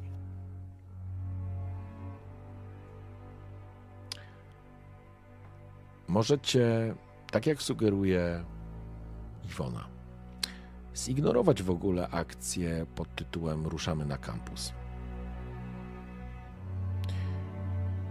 Nie będziecie ryzykować. Możecie ruszyć w kierunku jeziora Poleskiego. Pokażę Wam mapę, żebyście wiedzieli, co to znaczy.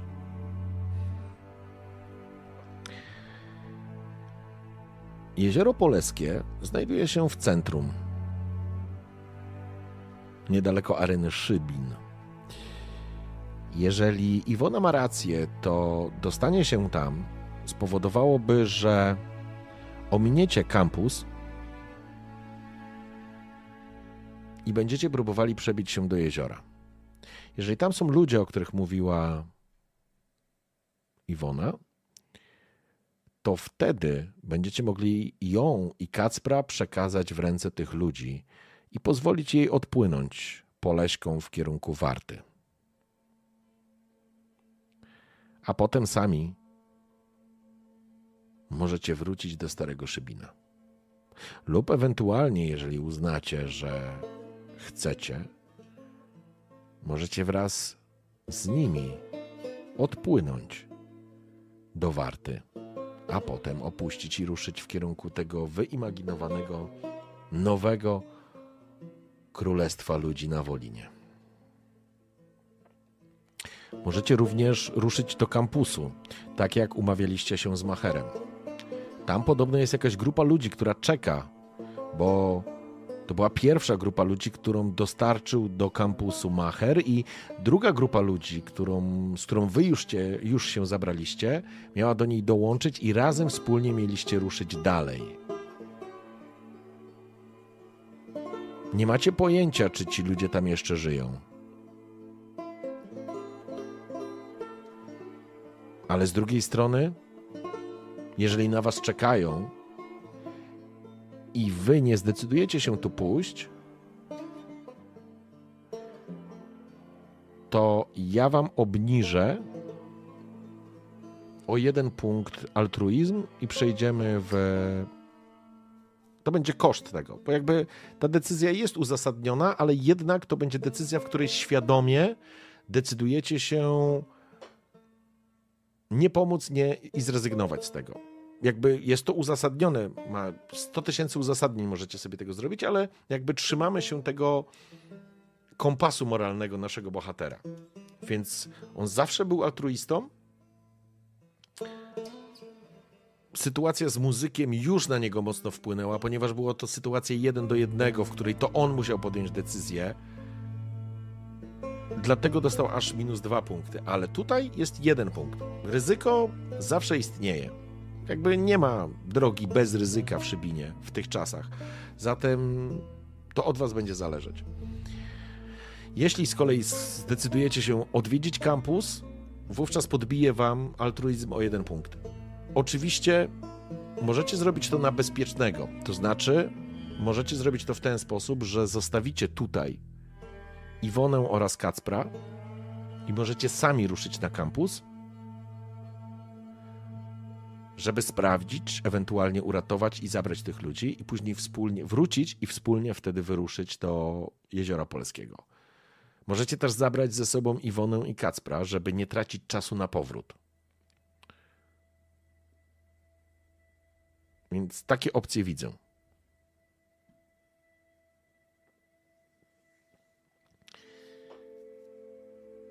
Także to będzie, kochani, wasza decyzja. I przeskoczymy tak. Czyli tak. Jezioro oznacza, że ruszacie po prostu z Iwoną i z Kacprem w kierunku Jeziora Poleskiego, ignorując kampus. Kampus. Sprawdzacie kampus. I teraz najpierw, i najpierw, i dam wam opcję. I to będzie z Iwoną. Campus. Bez Iwony. Macie jeszcze jakiś pomysł? Aha, no i teraz tak, jeżeli pójdziecie na jezioro, obniżę wam minus jeden altruizm, ze względu na to, że jakby odcinacie się od tamtych ludzi. Jeżeli ruszycie na kampus, dostaniecie plus jeden altruizm. A ja wam dam 3 minuty na to, żebyście zdecydowali. E, tak, bo z kampusu możecie iść bezpośrednio do jeziora. Ja wam jeszcze pokażę, jak to wygląda. Mm, jaka, jaka jest różnica między na kampus z Iwoną albo na kampus bez Iwony. Różnica jest, szanowni, taka, że. Ojejku, nie to. Że jeżeli ruszycie bez Iwony, to znaczy, że Iwona i Kacper będą w bezpiecznym miejscu, czyli tutaj, w ty, na tym osiedlu, i one to jest bezpieczne miejsce. Czyli będziecie musieli pójść na kampus, ogarnąć sytuację na kampusie i wrócić po Iwonę i później ruszyć na Jezioro Polskie. Jeśli weźmiecie Iwonę, to zyskujecie ten czas powrotu, nie będziecie musieli się wracać, ale ryzykujecie wtedy więcej, bo macie ze sobą Iwonę i Kacpra. Jeżeli coś się wydarzy, to zawsze może się skończyć dla was albo dla nich źle. Albo trzecia opcja, ruszacie bezpośrednio na jezioro Opoleskie, ignorując kwestię kampusu.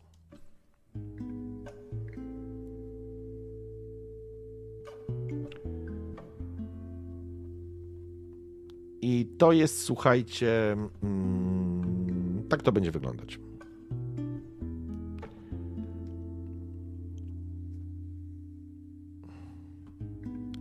Tak, tak, tak, tak. Założenie jest takie, że po prostu kampus bez Iwony oznacza, że Iwona zostaje tutaj, w tym bezpiecznym miejscu, tak? Czyli tutaj zróbmy jeszcze taki save. O. Jest bezpiecznie. No dobra, wiecie o co chodzi. Że ona będzie po prostu na was czekać. Prawdopodobnie no, ustalicie jakiś y, czas, nie? który będzie wam potrzebny na pewno Remek by określił, no bo jakby on zdaje sobie sprawę, że każda wyprawa jest ryzykowna. On może nie wrócić z tej wyprawy, tak zupełnie zwyczajnie. E, widzieliście no, sytuację na wzgórzu, jeden zainfekowany prawie, prawie go, że tak powiem, wykończył. Więc może być taka sytuacja, więc prawdopodobnie będzie sytuacja wyglądać tak, że umówicie się na jakiś określony czas i jeśli po tym czasie Remek nie wróci, bez względu na to, czy z, czy bez tych ludzi, to... Yy, to wtedy ta Iwona ruszy. No bo ona nie będzie czekać w nieskończoność. Ehm... Możecie iść w kierunku jeziora po drodze zahaczając o kampus, oczywiście, tylko że to jest dokładnie ta sama opcja jak kampus z Iwoną. To, to jest dokładnie ta opcja, bo wtedy po prostu będziecie szli i będziecie mogli zahaczyć ten, ten kampus Natomiast układ jest taki, że no jeżeli pójdziecie bezpośrednio, na pewno to będzie trochę szybsze niż tam odbijanie w kierunku kampusu, ale to jest niedaleko, więc to nie jest jakiś wielki kłopot, ale jeżeli będziecie mieli taką wizję, to zakładam, że kampus z Iwoną to jest to, czyli idziecie nad jezioro, zahaczacie o kampus i wtedy, i wtedy albo ruszacie wspólnie, albo może coś się wydarzyć, może się nic nie wydarzyć, może się okazać, że ich już nie ma, że albo nie żyją, albo już może gdzieś wyruszyli sami, no albo może tam nadal czekają. Tego nie wiecie. To wszystko się okaże, jak tam pójdziecie. A czy odpływacie tam dalej, to już jest zupełnie inna kwestia. To, to, to nie jest decyzja. To na razie musimy się zdecydować, jaki będzie kierunek. Także mam nadzieję, że wszystko. Mam nadzieję, że wszystko rozumiecie. Zaczynamy ankietę.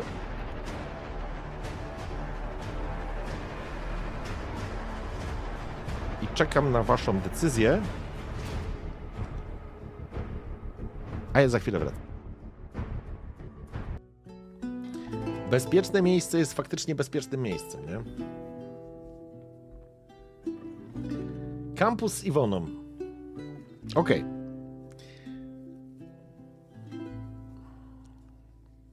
Już powinno być wszystko ok.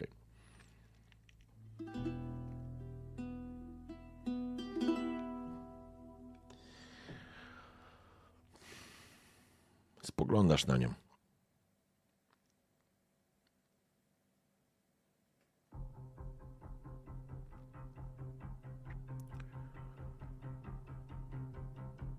Nie możemy nie sprawdzić tego kampusu.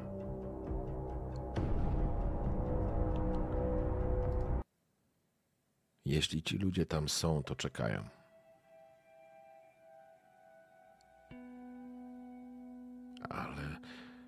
Wiesz, że to ryzykowne. Wiem. Wiem, Iwona, że to ryzykowne. Ale po prostu taki jestem. I chyba właśnie dlatego Wam pomagam.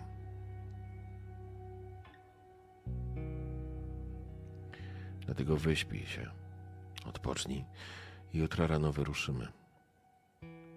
Nie nadłużymy mocno drogi. Tu jest bezpiecznie. A tam sprawdzimy kampus.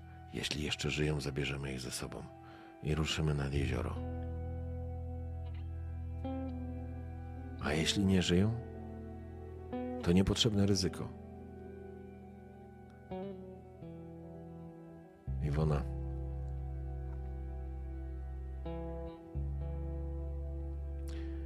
Gdybym kierował się niepotrzebnym ryzykiem, zostawiłbym was w tamtej piwnicy z klikaczem.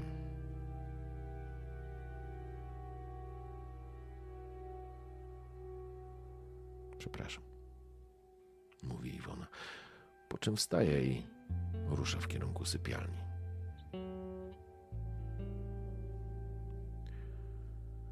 W porządku. W porządku. Rozumiem Twoje priorytety. Ale ja jestem jaki jestem.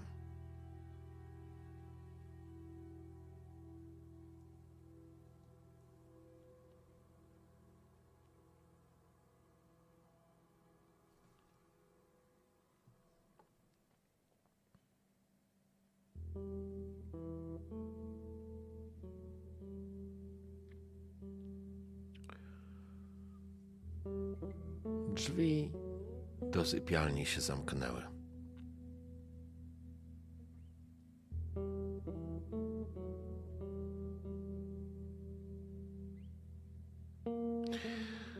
Remek został sam.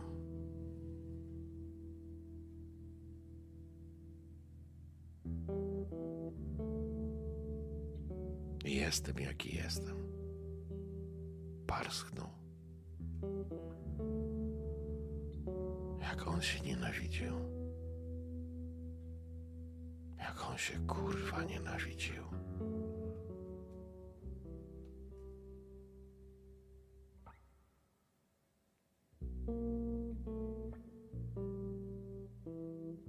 Nie potrafił. Nie potrafił się zmienić. Zawsze był uparty jak osioł. Zawsze coś go, coś nim kierowało, coś. Jakiś pieprzony kodeks moralny, kompas moralny. Nie wiedział, jak to nazywa, z wściekłością zacisnął zęby. Pamiętał, jak Ewa miała o to zawsze do niego pretensje. I nawet kiedy próbowała tego nie okazywać, kiedy próbowała wspierać go z całego serca, żeby, żeby nie czuł się sam, żeby czuł, że jest tą jego bezpieczną przystanią, to wiedział, że się wścieka. Że gdzieś tam w środku po prostu się wścieka, że, że, że tak nie powinno być. Że są rzeczy ważne i ważniejsze. Że są pieprzone priorytety.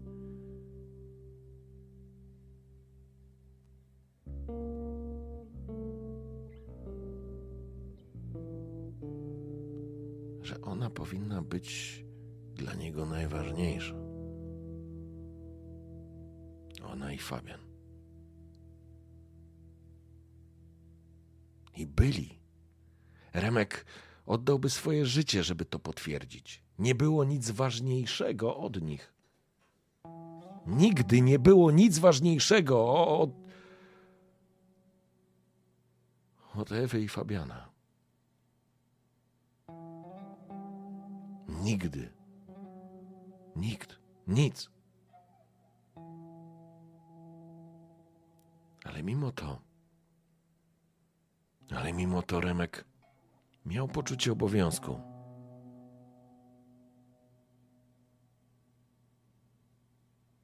Miał poczucie obowiązku, coś, co było jego pieprzonym, moralnym kompasem. Było ponad to, było poza nawiasem. On musiał być na służbie, on musiał pomagać. On nie mógł zawieść kumpli, oddziału, ludzi, mieszkańców po jakimś pierdolonym świętym.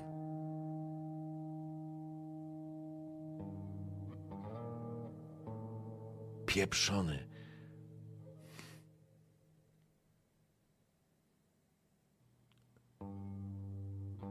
Popieprzony człowiek. W imię czego to wszystko? Bo nie mógł. Bo nie mógł podjąć decyzji tej, o której wiedział, że jest dla niego najważniejsza. Bo kierował się poczuciem obowiązku. Bo był z powołania strażakiem. I pomagał ludziom. Dlaczego nie pomógł tym, którzy byli dla niego najbliżsi? Dlaczego złożył jej w ofierze na ołtarzu obowiązku?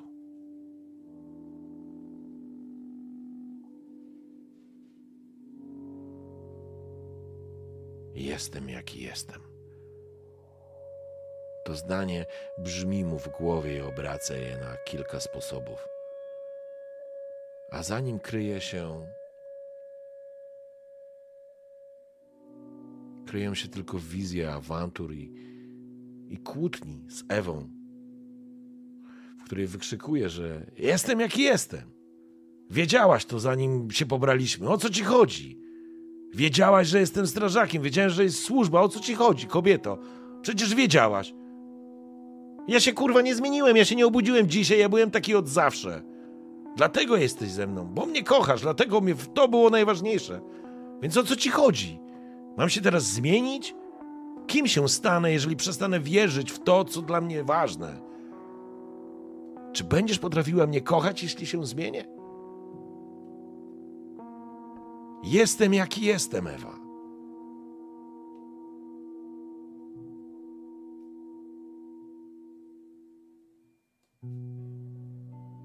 Pierdolony męczennik. Pojebany.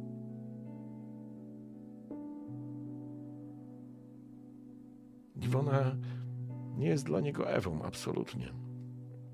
Nie traktuje jej tak.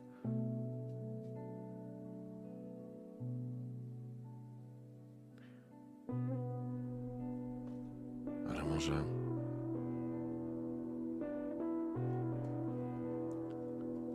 Ale może w końcu dochodzi coś do niego. Dochodzi do niego to, że że jest tchórzem. Że jest po prostu tchórzem, który bał się podjąć decyzję, który zawsze miał wygodną wymówkę i który zawsze mógł powiedzieć: Jestem jaki jestem.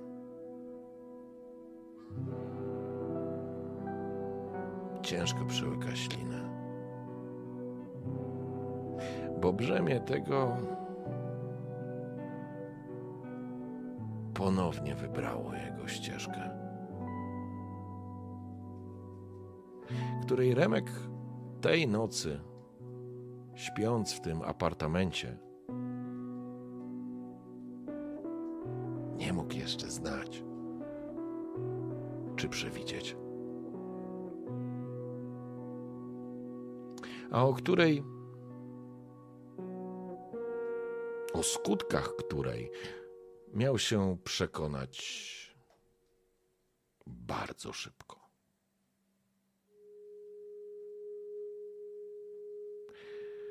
Szanowni, chciałbym Wam bardzo podziękować za pierwszy sezon historii Remka w Szybinie.